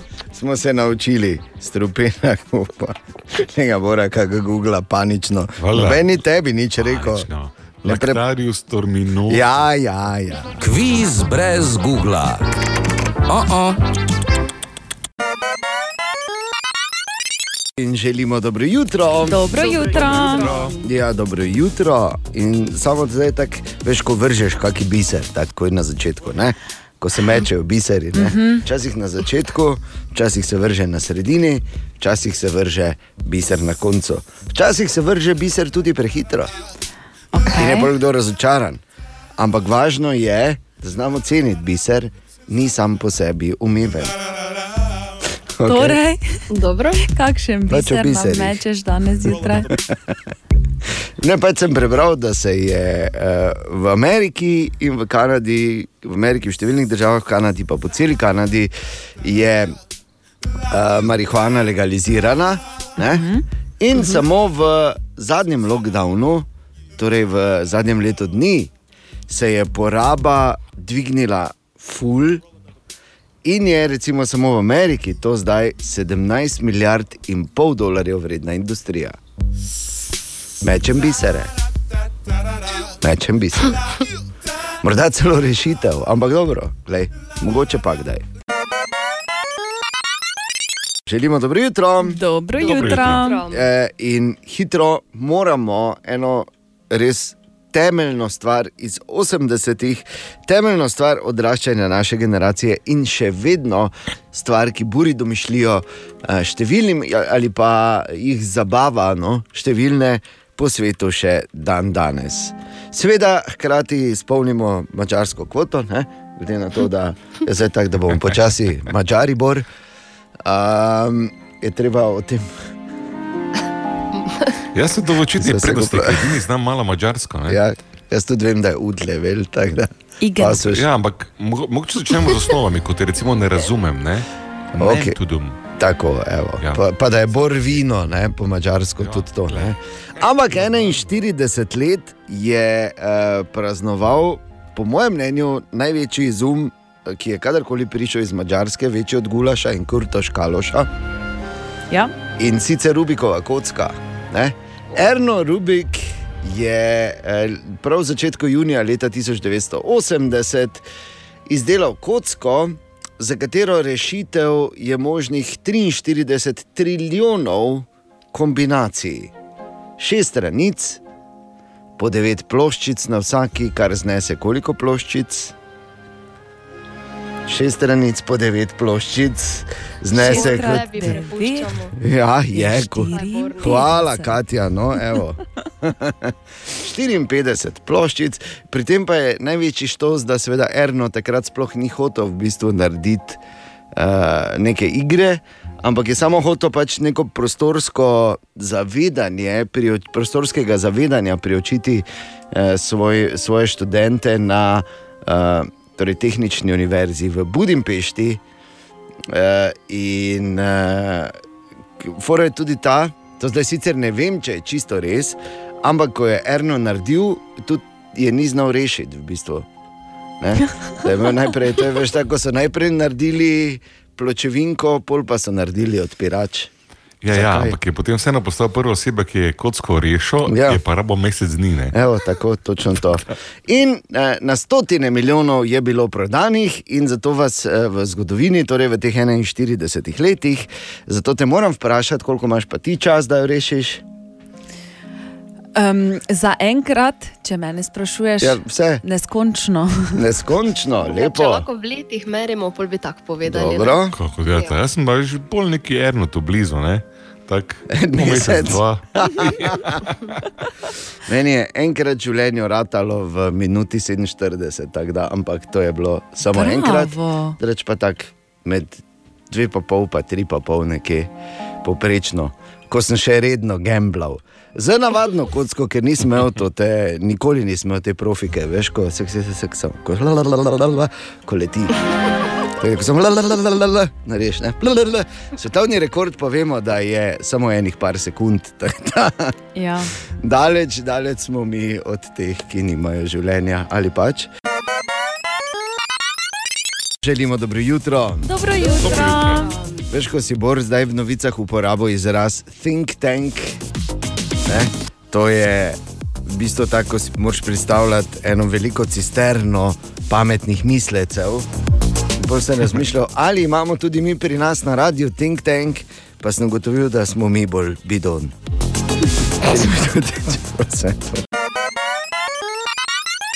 Dobro jutro. Dobro jutro. Kako so rekli, kako se je začelo Space? The, the final, final frontier. These are the voyages of a Ok, ok, starship. ok, ok, okay predaleč, predaleč. Lahko pa rečemo, to je popotovanje po nam bližnjem in niti ne tako bližnjem vesolju z dr. Žiberno. Kaj ti, pazi, obstaja teorija, da je seveda življenje na Zemlji prišlo z Marsa, poznamo to. Ne? Da so tam se noter trkali ti meteorit, meteori in potem kot meteoriti padli na Zemljo in prinesli dol bakterije, spore in vse ostalo, kar je pač bilo treba, da se je iz prajuhe tukaj potem izcimilo življenje. Ampak, če vzamemo to teorijo in jo obrnemo, zdaj ko mi silimo nazaj na Mars, na katerem naj ne bi bilo življenja, ali je možno, da se zgodi to tudi v obratni smeri, torej da vrnemo Marsu uslugo po tej teoriji. S Tem, o tem je z dr. Žiberno debatiral David. Torej, ali je to možno? Ja, seveda, sploh zdaj, ko rdeči planet osvajajo razne sonde in pa roveri. Če bi neke mikroorganizme slučajno prenesli tja in bi to pot seveda preživeli, ter bi na to našli ustrezno okolje za življenje, bi se seveda normalno razvijali naprej, tako kot to življenje počne konstantno. V bistvu bi še imeli lažjo nalogo teoretično, ker če bi enkrat preživeli na Marsu, za vse na začetku ne bi imeli nobenih naravnih sovražnikov. Ampak obstaja ena stvar, sporazum o vesolju se reče, profesor Igor Žiberna razlaga, čemu služi. Ena od točk govori o tem, da pravzaprav ne bi smeli um, razširjati ne, torej žive uh, organizme, živa bitja na ostale planete čisto stihijsko, uh, po eni strani. Po drugi strani pa uh, so, ker so tudi že takrat razmišljali, da bi s temi sondami seveda odkrivali, ali je možno da je kdaj na teh telesih obstajalo življenje, torej eh, se pojavila ena druga nevarnost in sicer eh, nevarnost kontaminacije vnaprej oziroma forward contamination. Se pravi, če bi mi recimo na neko telo poslali eh, neko sondo, ki bi bila nehote seveda ne, kontaminirana recimo z mikroorganizmi, kasneje bi pa potem poslali recimo neko sondo, ki bi odkrivala, ali je na tem, te, tem telesu neko življenje, ne, torej bi dejansko dobili lažne podatke, ne, torej misleč, ok, vredno, na tem telesu se je razvilo življenje, v resnici smo ga pa sami tja razširili. Ne. Ali pa bi spremenili organizme, ki so že na nekem telesu se razvili tam in bi posegli v njihov naravni prostor, zelo verjetno, zelo grobo posegli v njihov naravni prostor in z razkuževanjem dejansko preprečujejo, da bi do takega scenarija prišlo. Ok, ampak če gremo še pol koraka nazaj, pa bi dejansko lahko kaj preživelo takšno pot na Mars. Ja, doslej še tega nismo nikoli dokazali v zgodovini, vsaj v praksi, ne, oziroma vsaj ne, da bi vedeli. Profesor Žiberna pa pravi, da. Mikroorganizmi so precej prilagodljivi. Ne? Delali so na, recimo, na mednarodni vesoljski postaji eno študijo ne? in gotovili, da se ti mikroorganizmi znajo prilagajati. En poseben projekt teče eh, trenutno Extreme Micro, Mi- Microbiome Project, ne, torej, ki ugotavlja, ne, torej, kako se ti mikroorganizmi lahko prilagodijo na ekstremne razmere. Eh, No, in eh, tu bi mogoče omenil eno zanimivost, ne, ki, pa je v, ki pa precej buri eh, duhove. Namreč v laboratoriju so m, ene mikroorganizme izpostavili pogojem, ki vladajo trenutno na Marsu. Ne, in zanimivo, ne, torej, te bakterije so celo preživele ne, in sicer 30 dni. Torej, ko prvi človek stopi na Mars, se lahko zgodi, da tam najde že kaj, če ne bomo previdni. Nekaj, kar smo tja sami nesli. Kaj si ti nor? Forward contamination, tako se temu reče. In da ne bi kdo mislil, kak to je pojem, ki sicer ga zdaj uporabljamo v kontekstu vesolja, ampak ga poznamo že nekaj časa. Recimo na prelomu iz eh, 19. v 20. stoletje, ko se je začelo, ko je veš. Takrat, je relativno mladi Tesla govoril o radiju, je že prišel mimo en pa je rekel: Jaz pa bom, ko bo enkrat radio novinar.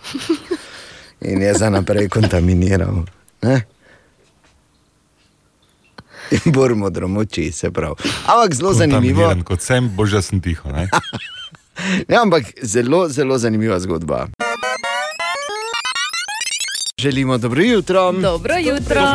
Ja, dobro jutro. In eh, vsakič, ko slišim eh, našega predsednika nogometne zveze, eh, Radenka Mijatoviča, se spomnim, kako srečo smo v bistvu imeli. Ker pred časom, eh, znotraj lockdowna, ko smo ga gostili na intervjuju, ko je bil naš jutranji gost, moderator, je za pol ure Boru prepustil vodenje nogometne zveze. In to, Da bi vi vedeli, kaj sem se rešil v tem ja, času. ful, ja. to še zdaj velja za najbolj črno obdobje v zgodovini nogometa v Sloveniji. Narečja so zakon. Ha, kva, koga, kaj? Ma ne razumem. Tako pravimo na radiju City že vse skozi že dolga leta. Mislim, da je zahvaljujoč uh, temu prepričanju naš uh, verbalni oziroma slovnični bič božji, izrazoslovni bič božji, Marko Fras, celo imel intervju na nacionalni televiziji. Se spomnim, Sem to pozabil na botre njegovega termina. Da Pa tebe omenil morda? Ja, no, Zakaj je treba? Ana, je no? tebe omenil morda? Naj samo povem, da takrat, ko sem gledal uh, ta intervju z Markom Frasom na nacionalni televiziji, takrat sem rekel: No, vidiš, ta mesec pa nismo v nemar plačali naročnino. Kaj ti narečja, so res zakon. In Marko, preden nas napadeš z armbrustom, dobro jutro in kaj smo na zadnje iskali, povej. Dobro jutro. Zdravo, dobro jutro. Na zadnje smo iskali narečne izraze za besedo madež. Zdravo, sem Jasmina, prihajam iz Jerenine. Pri nas v narečju rečemo madežu flek. Zdravo, jaz sem Sandi, prihajam z okolice Velike nedelje. Pri nas rečemo madež je flek. In očitno ne obstaja nič kaj več izrazov za besedo madež kot pa flek in packa. V tem tednu pa iščemo narečne izraze za kakršno koli košaro. Kaj pravite vi trije? Krbula, kukma in krvcecaš. Mm. Krvcecaš. Ko me je Katja danes zjutraj vprašala, ja. kaj je izraz, pa sem, kaj je bilo prvo, kar sem rekel, krbula. Ne, ne to si ti rekla. Ne, jaz sem obratno je rekel, bilo, Jaz ja. sem rekel korpec. Ne? To ja, tak, ja. No, tak, da, menite? hvala, dragi fraz, da sem itak krbila. Ja, no, seveda. Ampak tako mi rečemo košari. Krbila. Ne, to po, po frizurah nas je razdelil, veš. Marko, ampak kaj si nam rekel? Krbila je, glej ga zlomka, košara. Kukma je čop na robu slavnate strehe, krvcecaš pa je krvosis, vampir. Ja. Ja. In vemo, kdo, kdo Točno se bom rekel. uspešno, kdo uspešno kljubuje zobu časa. In je Kdo je, krvcecaš. ker vcecaš. Reče so zakon, vsak dan pri nas na radiju, na družbenih omrežjih in fras in medvar šel po drugi uri. Ha, koga? Ma ne razumem. Narečja so zakon. Nalimo si čistega vina, zunaj so sicer posamezniki, ki so v izjemni formi in klubuk dol, ampak mnogi, zahvaljujoč različnim razlogom, seveda, uh, enostavno pač. Mogoče nismo, Nismo. oziroma so časi, ko smo še imeli telo bojevnika, malo za nami. Pardon, ampak. In kako dolgo, to je zdaj marsikdo razmišlja, marsikdo ima zdaj občutek, nekaj veš tisto, ah, oh, mora bi prej začeti, morala bi prej reči ne vsem, vsemu temu pecivu in zaseki. In, in prehranjevanju z razno raznimi svinjarijami pozno v noč. In zato je se mnogi še danes sprašujejo, ali pa že danes sprašujejo, kako dolgo bi se dejansko morali ukvarjati s športom, da bi pridobili neko optimalno fizično pripravljenost. Naja je šla po sledi tega vprašanja. Dobro jutro. Dobro jutro. Dobro jutro. Seveda je vse odvisno od vsakega posameznika posebej, kaj si ta želi in kaj je pripravljen za to storiti. Kako pa je v povprečju, pojasnjuje Aleš Potrč, direktor in glavni trener Fit tovarne. To je zmeraj odvisno od tega, kje posameznik začne. Torej, če govorimo o nekomu, ki ima prekomerno težo in pa ima kar nekaj kilogramov za izgubiti, potem lahko govorimo o daljših časovnih obdobjih, leto ali pa več celo. Ne? Če pa govorimo o nekem poprečnem človeku, ki ima le 5-10 kg mogoče odvečne teže, pa bi rad to spremenil in pa se hkrati izboljšal, vidimo take rezultate lahko relativno hitro v pravem delu, tam nekje med 3 in pa 6 meseci. In kaj k boljši formi svetuje Vitje Sikušek, strokovnjak za modulacijo biosignature? Osnova je vedno, kaj se jim rečem, hoja vsak dan, cilj, da prekoračiš 6 km v eni uri in da v večini super deluje, zmanjšaš število obrokov na 2 ali pa 3 v dnevu. In to je to, nobenih frigriskov, nobenih sladic, nič takega in je zmaga tukaj. Pomembno vlogo pri fizični aktivnosti tako igrajo tudi prehrana, ciljna usmerjenost in dodatna aktivnost. No, ampak če se vrnemo k telesu bojevnika, ne? kaj pa tisti, ki recimo, smo imeli nekoč telo bojevnika, ampak, ne bo, ampak smo se malo, smo se malo zapustili. No, ja. Za že prej aktivne ljudi je pot lažja, še dodaja Aleš Potrč. Nekdo, ki je bil prej dosta aktiven tudi iz vidika treninga moči ali pa drugačnega treninga, kot pa zdaj bilo to možno v času korone, je pa potem moč opaziti tam nekje med 10 pa vse do 20 tednov. Smo pa nazaj na tistem, kar smo prej bili. Tako da relativno hitro. Ne? Naše telo je nekaj čudovitega, zna se hitro prilagajati. Vsi tisti, ki so že prej bili aktivni, pa so zdaj bili manj aktivni, bodo za neko redno aktivnostjo prišli zelo, zelo hitro na svojo točko. A pojasnjuje, da so kljub onemogočenemu treniranju v fitnessu v preteklem letu ljudje veliko bolj aktivni v naravi s tekom ali s prehodi. Sama pa ugotavljam, da bi se za letošnjo bikini sezono glede na mojo fizično aktivnost morala pripravljati že lani. Mm, verjamem. Skratka, telo bojevnika ne izgine, Te- telo bojevnika samo počiva. Skrije Za nas, ko smo ga enkrat imeli. ja. ne. Ne, Samo čakaj, ne počiva, ampak je. Dormira, ok, dormira. Tako dormira v pripravljenosti. Tako, tako. In potem rabi 10 do 20 tednov, da se prebudi, in smo spet. Borocile jagode, jezero. Ja, ja, jaz pri takem stresni temi moram imeti nekaj. In gremo in sekamo glave sovražnikom in vse ostalo, kar smo prej delali, kot bojevniki, seveda. Želimo dobro jutro. Dobro jutro. Dobro jutro. Dobro jutro na dan tekme in to polfinala Evropskega prvenstva do 21 let v Mariboru danes ob šestih. Španija, Portugalska in halo, kdo je poklical? Za, za karte kličem za nogomet. Ja, Denis mi tu piše, Denis, če kličeš za karte, pa izvoli dve, ne? Super. Ja, Denis, danes torej Španija, Portugalska. Kaj misliš, kdo bo zmagal? Ha? Ah, Jaz sem sicer bolj za Portugalce, bolj privoščim. No. Hm? Čeprav š- za Špance tudi ne moreš odpisati. Ne? Ker to, kar so zdaj pokazali, eh, zdaj zadnjo tekmo Portugalci, bi znali dobiti tekmo danes. No. No, evo, se strinjaš, Bor? Dobra je ocena. Ne bi kolega. mogel lepše, ne? Sam povedati. Denis, ne pozabi, če slučajno rabiš od desetih dalje tudi testiranje v ljudskem vrtu. To imam vse porihtano. Ah, spet, Denis, ne moramo vsi reči tega, ne bor. Lepo, da je tu. Pa smo že skoraj bila prijatelja, ne ti pa tako. Bor pa tako Ja, star, glej. pa, pa tako necepljen. Torej, Denis, uživaj na tekmi in drži se. Ok, hvala lepa. Ja, nekaj. Mimo grede, Bor, to je res hecno. Ne? Tam, okay. Kdaj so že starejše od 80 cepli? Tam Jo, si skozi pazo padal, kdaj so kritične že cepli? Ja. Tu tam si skozi padal, zdaj cepijo vse, pa si skozi padal. Ne, ne, ne, te imam, nekdo- ne, ne, zdaj imam datum, samo zgleda, da je v evidenci napačno navedena starost in kritičnost, ne? ker me obravnavajo po nekem čudežu kot nekritičnega in mlajšega od 50 let. Pravim ti, posod si skozi ne. padal, tudi to ja. je verjetno samo miloščina, pa bojo tam boš prišel, pa bojo rekli, eh ne, tam smo se samo hecali.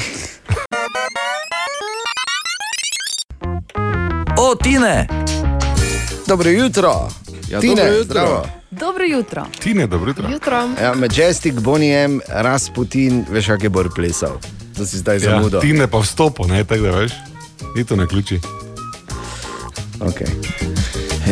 Ko ti ne pride, Bor in taki plešejo, ne sliši se prav. Bor je bil Rasputin.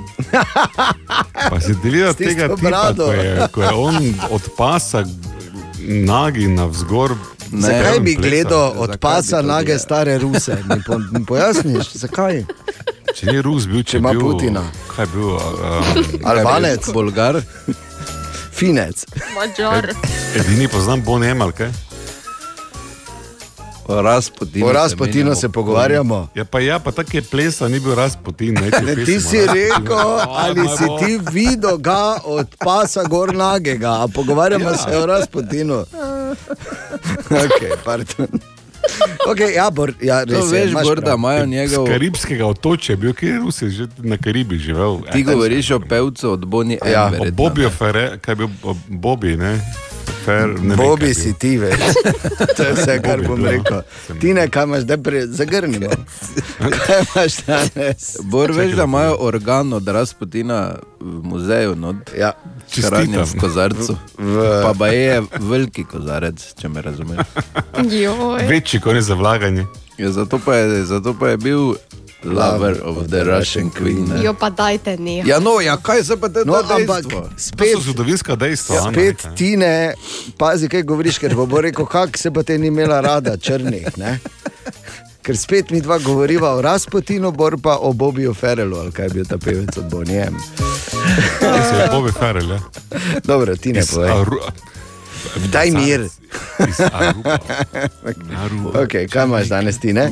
I'm gonna take it. Najprej bi vsem čestital, ker je danes svetovni dan kolesarjenja. Tako. Enako, kolego. Kaj se te ti zdaj skrbiš? Lensgrajner. Iz stanovanja moraš priti ven. Zdaj, če imaš bicikl za 4 ure, pa ga gledaš, bor, to je. Lens Grajner. Za štiri, ker so cene padle, kaj? Joj, daj, no, ne, se važi. Tebi veš, kaj nam pomaga bicikl za 20 ur, ne? Kaj ima elektriko? Daj mi mir. Pri taki ceni bi lahko imeti neki pogovor. Dobro, daj nehaj, no. Zelo tiho. No, in ti ne? Torej, eh, v srednjem veku, me, malo mi je žal, da nisem bil takrat. Bolj ti pa več. Ne, ne, ne, nagovarjaj ga. Skratka, med odnosom ja. so si ženske okrog noge navezale jajca od podlasice, ja, ja. ker so bile prepričane, da uh, ne bodo zanosle.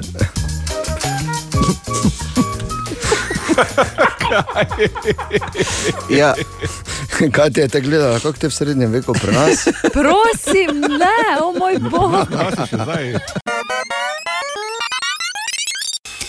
Aha, aha, aha, aha, aha, aha, aha efekt. In moram čestitati Tinkari, ki je zagotovo poslala najbolj uh, nenavadno vprašanje leta 2021 za enkrat za Hajfek. Ja, res je. Zakaj tako močno čutimo pihanje iz fena, ne čutimo pa, kako zadaj fen vleče? Sicer ne vem, zakaj me je vprašanje razjezlo na prvo žogo, ampak dajmo to na račun eh, staranja prebivalstva in ne debatirati o tem. Grozen si. Res sem grozen, res konec staž. Ja. Um, ampak vprašanje je pravzaprav dobro. Zato, ker zares, če si fen usmeriš v obraz, ali pa če imaš obraz od zadaj, boš bolj čutil, kako piha v tebe. Kako je to mogoče, če pa ista količina zraka gre od zadaj noter in od spredaj ven? Odgovor je enostaven. Fokus. Zato, ker zrak od spredaj je usmerjen.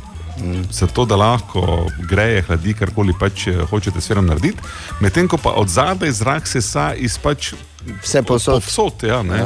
Tako da ista količina zraka se sesa in gre ven, ampak spredaj je usmerjen. A, se pravi, vektor. Vektor.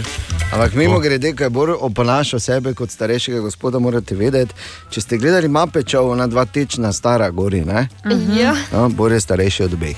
Ali tudi vi pogosto totavate v temi? Aha efekt, da boste vedeli več. Želimo dobro jutro. Dobro jutro. Dobro jutro. Ja, in za vse, ki, ki morda ne poznate, kot je povedal poslušalec, ki je našo avtocestno policijo označil za Kobro 11, to je seveda iz te nemške TV serije Alarm für Cobra 11, O, ja, točno. Die Autobahn Polizei. Kako se je Katja hitro strinjala? Ja, če pa. Jaz mislim, da bo rekla, o ja, na tuelih. To je ena izmed natürlich, serij. ja. ne. To pa komisar Rex. Ne? Ja, s tem, da pač je razlika, komisar Rex je vseeno Avstrijec, ne? Kobra 11 pa so Nemci. Ja, ja, no. Nemci so pa bolj hudi, ne bor? Tako nas je naučila zgodovina. Danes je petek, 4. juni, želimo dobro jutro. Dobro Dobro jutro. Lepo pozdravljeni, haha. Kaj pa, ko je petek, tako dolgo smo se matrali, tiščali to skalo, zdaj smo tik pod vrhom, ko imamo malo, ko več ni breg, veš, ko je malo, samo tako se dviguje, ko se sprostiš. Po pa prije ponedeljek, ko se nam spet vsipa dol na pot. Ne? In tako smo vsi mi malo sizifa. Ne bi že petek govorili o ponedeljku. Ne, pač pogovarjamo se o sosledju dogodkov, mm Mhm. -hmm. ker moramo biti skozi pripravljeni. Nikoli ne veš, da bomo spet v situaciji, ko se bomo pogovarjali o ključnih dveh tednih. Nehaj. Ampak včeraj se je zgodil en premik, ki se ga je v naši jutranji ekipi verjetno najbolj veselil Bor. Bor, ki je denimo tri dni, preden so ponovno odprli Maribox, že hodil okoli in gledal, če bodo ljudje prišli. Ja. Ker še meni zdaj ni jasno, zakaj bi prišli, če Ja. ja. je zaprt, ampak dobro. V pričakovanju, ne? Verjetno, verjetno. Pač, te pa ti meni povej, zakaj so zdaj v Ameriki pred trgovinami že vrste za nove kartice. No, to je druga, ampak so se Uh, kempirajo. Od Amazona, od Amazona, od Apple. Uh, ne, uh, za grafične kartice. Aja, joj, Pred pa Best ne, nehaj s tem, pa koga to za vraga zanima. Nihče ne rudari tukaj, Bor, hvala ti. In pozdrav vsem v, eh, v vse rudnike, ki so tam, zdaj govorim seveda o pravih rudnikih, ne o Bitcoin minerjih. Uh, ampak to, da se je odprl Maribox, je uh, seveda tudi za nas nekaj posebnega, ne le zato, ker prihodni teden pripravljamo prvo City Kino premiero po dolgem, dolgem času, ko si bomo ogledali slovensko predpremiero eh, novih Fast and Furious. Ampak pomeni tudi, da se vračajo naši priljubljeni trailerji. Torej, yes. Tomaš, Marko in Tine so spet naredili reklamo za, končno spet naredili reklamo za enega od filmov v Mariboku. Izvoli. Tomaž, Tinček, Pero in Mikl so štirje prijatelji, profesori, ki živijo z dolgočasno življenje v dolgočasni službi, ker so vsi otroci nemotivirani in zdolgočaseni. Alo, kaj že kjer je čuza? Fina skrderu, ja. Skurde, kaj? Skrderu, norveški psihiater, nisi čutil? Ja, ne, kaj te lapaš ti? No, to ti ima teorijo, da se čisto vsi rodimo z 0,5 promila alkohola v krvi premalo. Ja, pa to tako jaz govorim že 20 let, pa ne vem, zakaj še nismo probali tega. Ker delamo na šoli, ker smo učitli? Pa bolite. Tomaž, Tinček, Pero in Mikl so se odločili to teorijo spremeniti v prakso. Čuješ ti, Churchill v zadnji vrsti, zdaj pa ti meni pove, kdaj se je končala druga sezona vojna, ha? Da je bilo fertik, šlus, ende, kapituliran.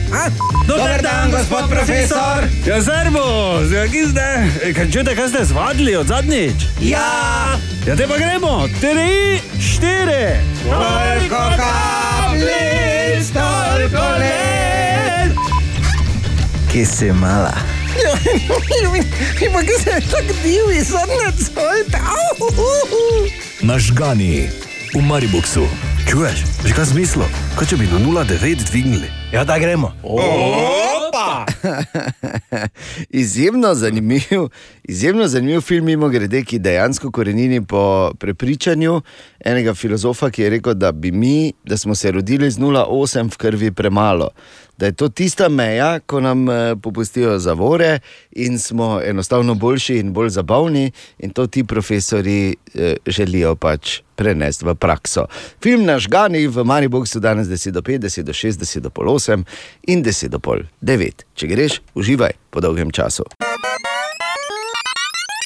Še enkrat želimo dobro jutro. Dobro Dobro jutro. jutro. In ni nobena skrivnost, da smo uh, Ana, Katja in jaz pač bolj mlajša generacija ne, v naši jutranji ekipi. Lepo si se. Priključil. Uh, okay, zdaj pa če za res. Uh, dva različna uh, svetova, zagotovo. In naj vaju v bistvu morda izobrazim, malo spomnim. In uh, kolegice in kolege iz naše strani, torej iz malo starejše strani Mosta, popeljem pa le iz spominov.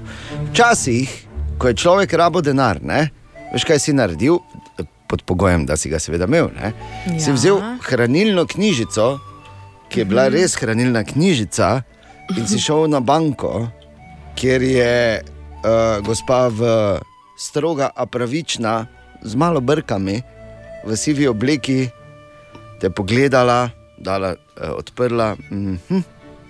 Preverila, ker takrat so že imeli tiste računalnike, ki so imeli tri vrstice na monitorju, zelenem, ne bor. Je bilo ja. nekako tako, ne? Na malem zelenem. Ja, ja, monitorju. natipkala not. Aha. Te še enkrat strogo premerila, ali resno misliš, ali si boš premislil. Veš, tako je vedno bil taki mali moment, ko si čakal, ja, no, če rabim, tako veš pogled. Ne? In bolje dala noter v printer in gni, gni, gni, gni, gni, gni, gni, gni. In je zapisalo novo stanje, vmes je tudi pripisala obresti, ki so se nabrale, zato ker nekaj časa, seveda, nisi šel na banko. Ne? In potem si šel ven z denarjem in si ga pač porabil, za kar si mislil. Tisti bolj resni so seveda imeli tudi še čekovne blankete. In so lahko, in so lahko, Čeki. ja, in so lahko kupili uh, mant, mantel na čeke ne, v modni hiši. Recimo, ja, gled, tako je bilo včasih. Ej, na deset čekov si vzel, pa si bil rešen. Res je, tako si si ja. lepo porazdelil. Leta 1973 pa na to Don Wetzel, Tom Barnes in George Chastain patentirajo bankomat. Prvi aplaus. Res bravo, super, res hvala. Od takrat dalje več ni bilo, mislim, rodi se seveda tudi kartica, ki je bila nujna eh, za bankomate, in pa od takrat dalje več ni bilo izgovorov. Ne, čuj, ne morem več, nimam, zdaj pa nas, mi da na banko hoditi, nimam savonega, ne. Drugi aplaus. In pa tretje, od kdaj, ker bankomati delajo nepretrgoma 24 ur na dan, 365 dni na leto. Od kdaj si šel ob dveh, pol treh zjutraj na bankomat zaradi česa legalnega? Aplaus številka tri. Samo toliko. Web, web, web, web check. Katja, kaj pišejo? Dobro jutro. Zdravo. Spoznajmo osem let starega fantka iz Virginije, ki je za zdravljenje svojega kužka prodal celotno zbirko kart Pokémonov. Ker mu Noro. starša nista morala pomagati, ker je bilo zdravljenje preveč drago. Ne? Mogla. Nista mu mogla pomagati. Ja. A, no, in potem je on prodal celotno zbirko. Fraz meni, pardon. Ja, Ja, sem prebudil. Zbudil sem se kot fraz, pazite se. Ojoj. Uh, no, potem, ko so v bistvu kuška rešili, ja. uh, je ta zgodba prišla na naslovnice tamkajšnjega časopisa in uh, to so videli tudi pri Pokémonu. Resno? so fantku poslali paket kart, ki jih je skoraj nemogoče dobiti v trgovini. Bravo. Wow. To je nekaj najlepšega, veš, da imaš kartice, da ti izdajaš kartice, pa da so ene fule redke, ker ti jih lahko naprintaš, koliko hočeš. Ja, in si potem prijazen ja. nazaj. In oni se pa lahko vrid zastopijo, vsi ostali ne, pa zapravljajo, pa upajo, da bo. Okay. Kylie Jenner širi svoje podjetje, kakšna točno bo njena nova linija, še ni popolnoma znano. Je pa že naredila profil nove linije na Instagramu, tam še ni nobene fotografije, ima pa že 30 tisoč sledilcev. Nič ima Eh, 30 300 tisoč sledilcev. Nič ima 300 tisoč sledi- sledilcev. Tako, Lepo. ja, ne. Zanimivo je življenje, če si Kylie Jenner, ki je mimo grede velja za najmlajšo milijarderko ne? na svetu, self-made milijarder je. ali bilioner. ali kako bi, rečejo. ne, ne zdaj soli na rano. Pa, Vse ste imeli isto šanso. Ja, ne, ni res. Ja, pa ja. Ker se nismo rodile v resnici. Vihale ste nos. Ja, glej, lahko bi imela. Sadki, zdaj pa glej. In eh, ker vedno radi pomagamo, seveda še bolj radi pomagamo svojim sodelavcem. Zato najprej vprašanje, kdo izmed jutranje ekipe najraje nosi japonke. Ja. Bor. Sej, Odgovor je samo en. Od kolena dol Jezus, Ja. kot mu rečemo. Bor naj ti povem, da so v bistvu potrdili, da gre za eno bolj škodljivih navad. Škodujejo namreč kolenom, hrbtu, hrbtu in pa tudi bokom, ker guma v bistvu ne oblaži udarcev. Ja. Tako da smo nezaščiteni. Dobro, ampak imamo kol- vzete. To tebe Ti že boli. videla je, uh, Japonce pri 90-ih, kako delajo? Kolke imajo tako nove. Tak da.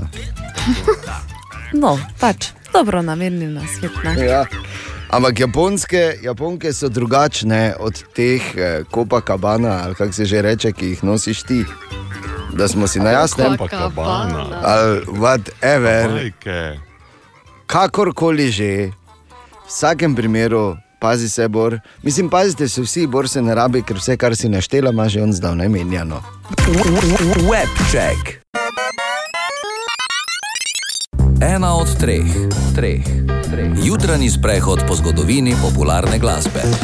No, pa dajmo. In danes uh, se ustavimo pri enem od mojih, moram reči, najljubših holivudskih zvezdnikov, ki ima tudi sam tako eno relativno filmsko zgodbo in bo jutri srečal Abrahama, kot se reče. To je veš, tako, da Bor to vedno vzame kot žaljivko, kot če rečeš jutri, v smislu kmalo. Ne? Je tako, Bor? Pa kaj češ? Okay. O kom pa govorimo? O Marku Wolbergu oziroma Marki Marku. Njegov brat Doni je bil član New Kids on the Block, ampak Marki Mark je bil poseben. Ne? Poseben že potem, ker je eden od tistih znanih osebnosti, eh, ki imajo po tri bradavičke. No, to bi bilo to. Eno pač povem, eden od teh je odkljukano povedali. Drugače pa je res bil tako kar problematičen, ker pri 13 je rekel: Hvala lepa, šola, ne bom več hodil v tebe.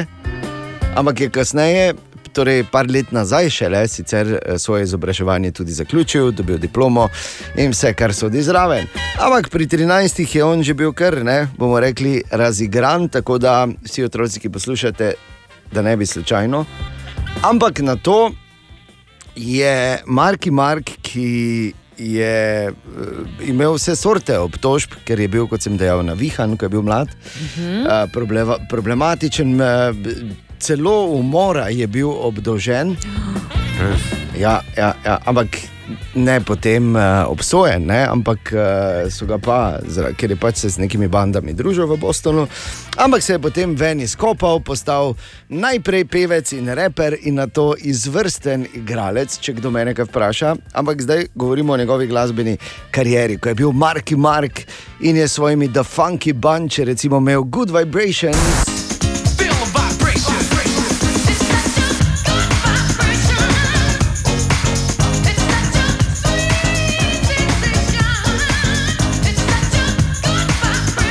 In potem sta on in princ Aitel Joe posnela enega od največjih hitov 90-ih, Life in the Streets.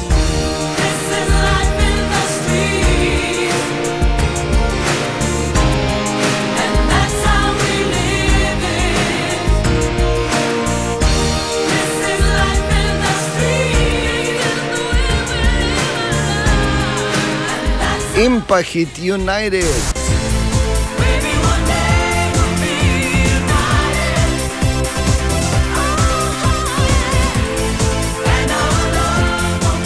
No, pa še en laskavi naslov ima Mark Wolberg, oziroma Marki Mark leta 92, je bil izglasovan za najslabšega moškega pevca na svetu. A lepo. Glede na to, kako živi danes, veš, kako se mu spajtla dol ta naslov. Ja, ja Sploh če, ne veš kdaj. ali si najboljši ali si pa najslabši. Ne? V obeh primerih te poznajo. Res je. V obeh Ja, primerih. le če samo se mene pa dejana. Ne? Res je. Spet res je, to je že dokaz, da ima palica dva konca. ok, torej Marki Mark oziroma Mark Wolberg in njegova muzika iz 90-ih, jaz sem za United. Ja, Ker nujno. navijam za Manchester United, drugače tudi pa se Ja, nismo tako mislili. O, ja, smo, smo, smo, 90, smo, smo tako mislili, točno tako smo mislili.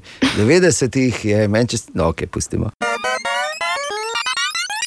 Katja, Ana, Borindejan, želimo dobro jutro. Dobro jutro. Dobro jutro. Ok, pazite zdaj, pripravljeni na 3, 4, brez razmišljanja, tvoj zvok petkovega jutra. 3, 4. Toliko teme. Jaz sem bil tiho. Indijanka, globoko v sebi. Jo, ja. Čas za skoraj nemogoče vprašanje. Tekmovalke naj vam predstavim naša še do nedavnega tezenska princesa, vmes postala tudi tezensko meso. Ampak še vedno tako je verjetno največkrat zmagala skoraj nemogočem vprašanju. Ana, lepo zdrav. Ana, dobro jutro. Tako. Potem imamo občasno šampionko iz Čakove, Katja, dobro jutro. Dobro jutro. In pa najstarejšega zmagovalca skoraj nemogočega vprašanja, Bora Grajnerja. Pozdravljeni. to so tekmovalci, tudi danes. Uh, je skoraj nemogoče vprašanje, morda bolj spektakularno od odgovora, ali pač tudi danes uh, je na podlagi ene študije, ki je nastala, ampak tokrat izjemoma nismo v Evropski uniji, ampak gremo v Ameriko. Torej, ta študija je v Ameriki Oh. nastala. To povem samo zato, da boste lažje prerasporedili svoje miselne vojake. Ker to je, grejo po čist drugih poteh, ne, kot recimo v Evropski uniji. Ja. Mi smo na srečo v tej raziskavi izuzeti. Štirje od desetih američanov namreč mislijo, oziroma so prepričani, da si lahko tega še pred stotimi leti videl v naravi. Kaj je to? Dinozaver. Kdo je rekel dinozaver? Jaz. Lep pozdrav vsem mojim fanom. Hvala, vsi, ki mi pošiljate cvetje. Ha? Neverjetno. Med vsemi možnimi odgovori je naše tedensko meso iz prve, sikalo. Bravo, Ana, čestitke. Hvala lepa. Čestitke. Hvala. Darila sprejemam. Ampak zdaj pa, če, ampak zdaj, če se uh, posvetimo bizarnosti tega dejstva. Štiri ja. od desetih američanov mislijo, da so še pred stotimi leti dinozauri hodili okoli. Kar lahko Bor z gotovostjo potrdi, da niso. Ne, Bor? Bor? Ta mok pove. Kimanje ne, ne deluje. Zdaj, to je ta dramatična pauza, veš, ko manj počakaš, pa pa. Aha. Da. Ampak vseeno ne spremeni dejstva, da je tudi danes zmagala Ana. Čestitke, Ana. Hvala lepa. Želimo dobro jutro. Dobro jutro. A, in še enkrat moramo čestitati eh, šampionki skoraj nemogočega vprašanja Ani. In naj samo No, razkrijem skrivnost njenega uspeha, oziroma skrivnost njenega uspeha danes, ko je izstrelila takoj po vprašanju pravilen odgovor, je ta, da je vse čas zvonil telefon in je bila živčna in se pač ni hotela igrati starim, pa s kolegico, vse prav. Včasih mačka takoj požere miš, včasih se pa z njo igra kakih 10-15 minut. Ne? Ena zanimiva stvar se je zgodila v znanstvenem svetu, kjer smo s vami znanstveniki Mhm. in se dosti pogovarjamo in delimo informacije. Seveda. Drugi pa prišajbi gledajo not in ne razumejo. znanstveniki, O znanosti se pogovarjamo. Ja, seveda. Ja, teh resnih stvarih. pa Ne pa izumemo. tako, eni, ko ste tam, pa samo gledate not, pa imate odprta usta. Pa ko vam mi znanstvene stvari razlagamo, vi v, v, glas, v glavi slišite glasbo iz risanke Maša in Medved. Tako da poslušaj. Pardon. Res gremo za Kaj je to Mašo bilo in zdaj? Medved. Ne znam reči Maša, ker je enostavno ime. Okay. Torej, znanstveniki so prvič izmerili težo človeškega kromosoma. In veš, kaj to zdaj pomeni? Ne? Jaz že takoj vem, da jaz, glede na postavo, imam zelo težke in Težke debele kromosome. Ja? Tako veš za kosti, so rekli, ja, samo že imam jaz debele kosti. Jaz imam, ful imam težke kromosome, ker jih čutim, veš, ko zjutraj, ko se zbudiš, uh, ko jih poglihaš, kromosome, ne? ko so tako težki, ko jih težko no dobiš. No, to je to. O, Tine! Dobro jutro, Tine! Ja, kaj te zdaj? Lepo, Dobro lepo. jutro. Dobro jutro. Zdravo. Lega bora, kak je zadržan. Ja, ja, čist. Kaj si ga okaral? Nič, veš kako spodbujam ga celo jutro. Prav sem opora se mu, danes se ne odziva, ne odzivne, danes je tako, da bi štohal v kamen in čakal, da ti bo nazaj, veš, naredil ble, ali pa kaj. Je ble. Danes Pa moramo koga drugega Sta, sta meni kaj rekla, nisem bil čisto zbran. da se opravičujem. A, torej, normalno. Vreda, vreda. Tine, naj te vprašam, si proslavljal včeraj svetovni dan kolesarjenja? Uh, sem, ampak na ne, ne, ne, način. Ja, na mopedu, ne? ne, a ne. kosil sem. A, lepo, lepo, lepo. Tako da ne bi me spominjal na to. Ok, samo vprašam. Ja, če nekaj deš napovedam, zopet je pa kaj bo zdaj. Je, res je čakal, da ti zraste šuma. Ne? Torej, kaj bomo rekla, Tine, danes mi dva? Ja, ne, neki špric zaradi, da bi Petek. ne vem, kaj bojo, ne? Ja, tako si rekel, kaj ima rekla zdaj. Kaj bomo rekla danes eno? Ne, kaj bo pa kratkega. Kaj imamo za eno zanimivost? E, lani, torej 2020, eh, je sodnik v Oklahomi eh, dosodil, da pod prisilo, oziroma siliti nekoga, da posluša Baby Shark, ja. je nehumano. Bravo. To je bil en moder sodnik. Ja. Moder. Res, ker ta pa res muka. Ker kaj je Kdaj zdaj? bodo vsi, ja, in kdaj bo vsi starši lahko za očkodine dobili? Takrat, ko oni, ko so policijsko uro tu um, kršili. Ha, ha, ha. Nikoli. Naj samo povem, da uh, je bilo zdaj ena zgodba s tem Baby Sharkom in Elonom Maskom, ne? ki samo še enkrat več nakazuje, da je dedo dejansko spuslo. Pa da imajo res da ne. Absolutno. Pa, Tak da, ni taki problem, dejan, da je dedo spustil, ampak karkoli on tvitne. da je tebi spustilo tudi. ne, karkoli on tvitne. Tvitne, pol celi ma- ma svet se ravna potem, pa vsi Ja, so res je. prestrašeni. Ne, ker so vrednost delnic podjetja, ki stoji za Baby Sharkom, je enormno poskočila in to vidno na grafu za 30 odstotkov, potem ko je on tvitnil Baby Sharku. Tako.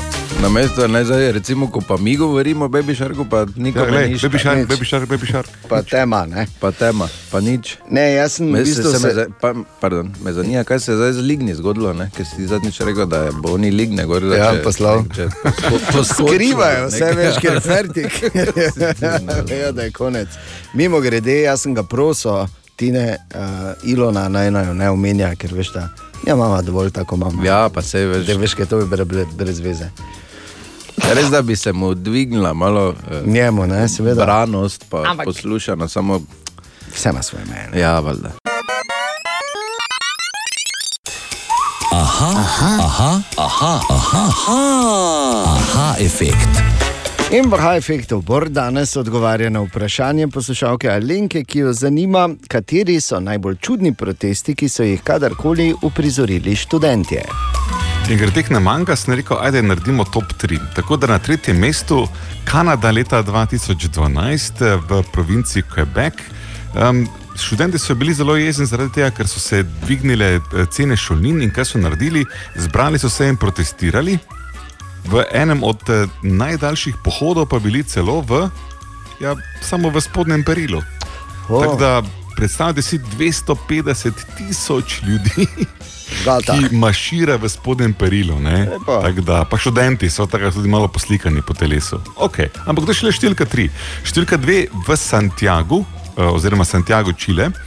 So študenti bili uh, prav tako nezadovoljni zaradi tega, ker so stroški naraščali in državo so takrat pretresali nasilni protesti. Kaj so naredili študenti? Ok, so rekli, da bomo protestirati, ampak mi bomo se poljubljali.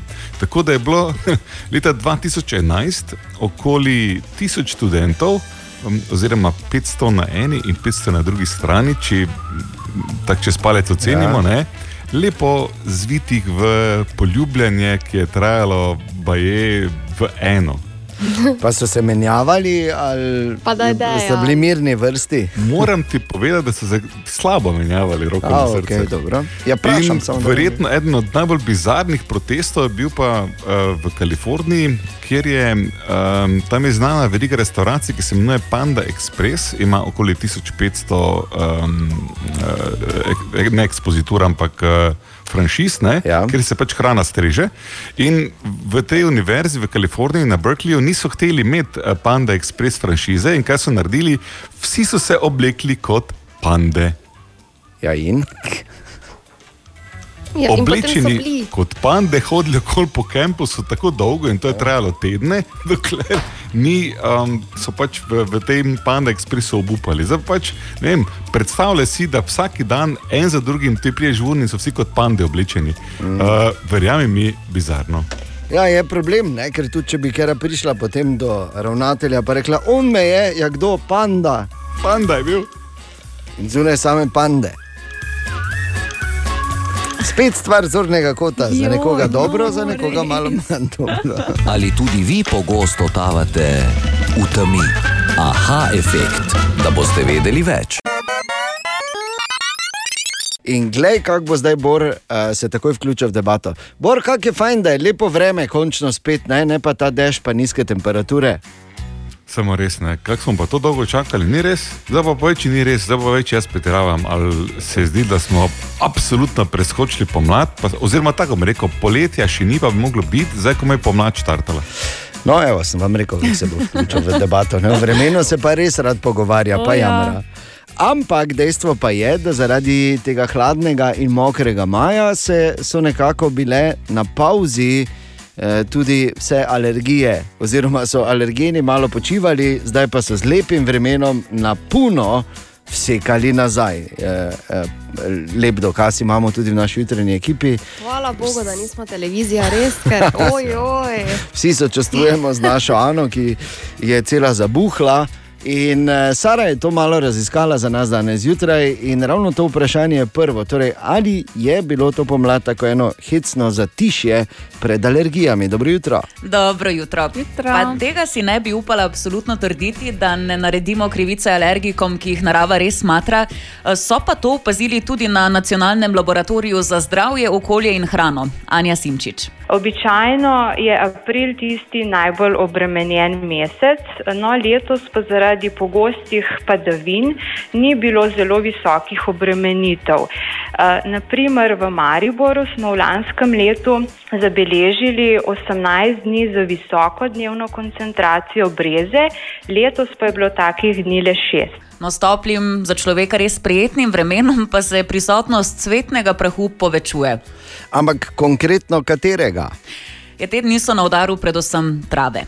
Poteka glavna sezona cvetnega prahu trav, v suhem in sončnem vremenu bo obremenitev visoka. Na travnikih cvetita tudi trpotec in kislica, vendar je splošno v zraku obremenitev nizka. Občasno beležimo večje količine nizkoalergenega bora. Ta cvetni prah lahko opazimo tudi na površinah kot rumen prah. Pomagamo pa si lahko tako, da se preprosto ne zadržujemo blizu teh rastlin, teh alergenov, da ne zračimo stanovanja, da se po prihodu domov preoblečemo, stuširamo. So pa res zatečene, solzne oči, poln nos, kašelj, čuda, neprijetna stvar. Lahko samo prosim, vprašam, zakaj treba bora izpostavljati, ker nizko alergeni cvetni prah je pri vseh iglavcih, torej tako jelka, smeka in bor. Ne, ne nizko alergeni bor. Zdaj, Kratko, v bistvu si ti kriv. Ne morem verjeti, da je naredil spet to debato o njem, a jaz sem hotel izpostaviti, kakšne težave ima Ana in da sočustvujemo z njo in Ana s tabo in seveda vsemi, ki imate težave. In na svet, kot je rekla Sara, zdaj so trave v akciji, ne id čez travnik, ne glede na to, kako romantično se zdi to skakljanje od enega konca do drugega. Konca travnika, ker se bo zgodilo tistemu, ki bo šel skakati s tabo, Ana, da bo šel na začetku, uh, bo s tabo stopil, ne na travnik, na koncu bo pa imel zraven barba papo. Tako da. Dobra, mali in stari. Podcast jutranje ekipe.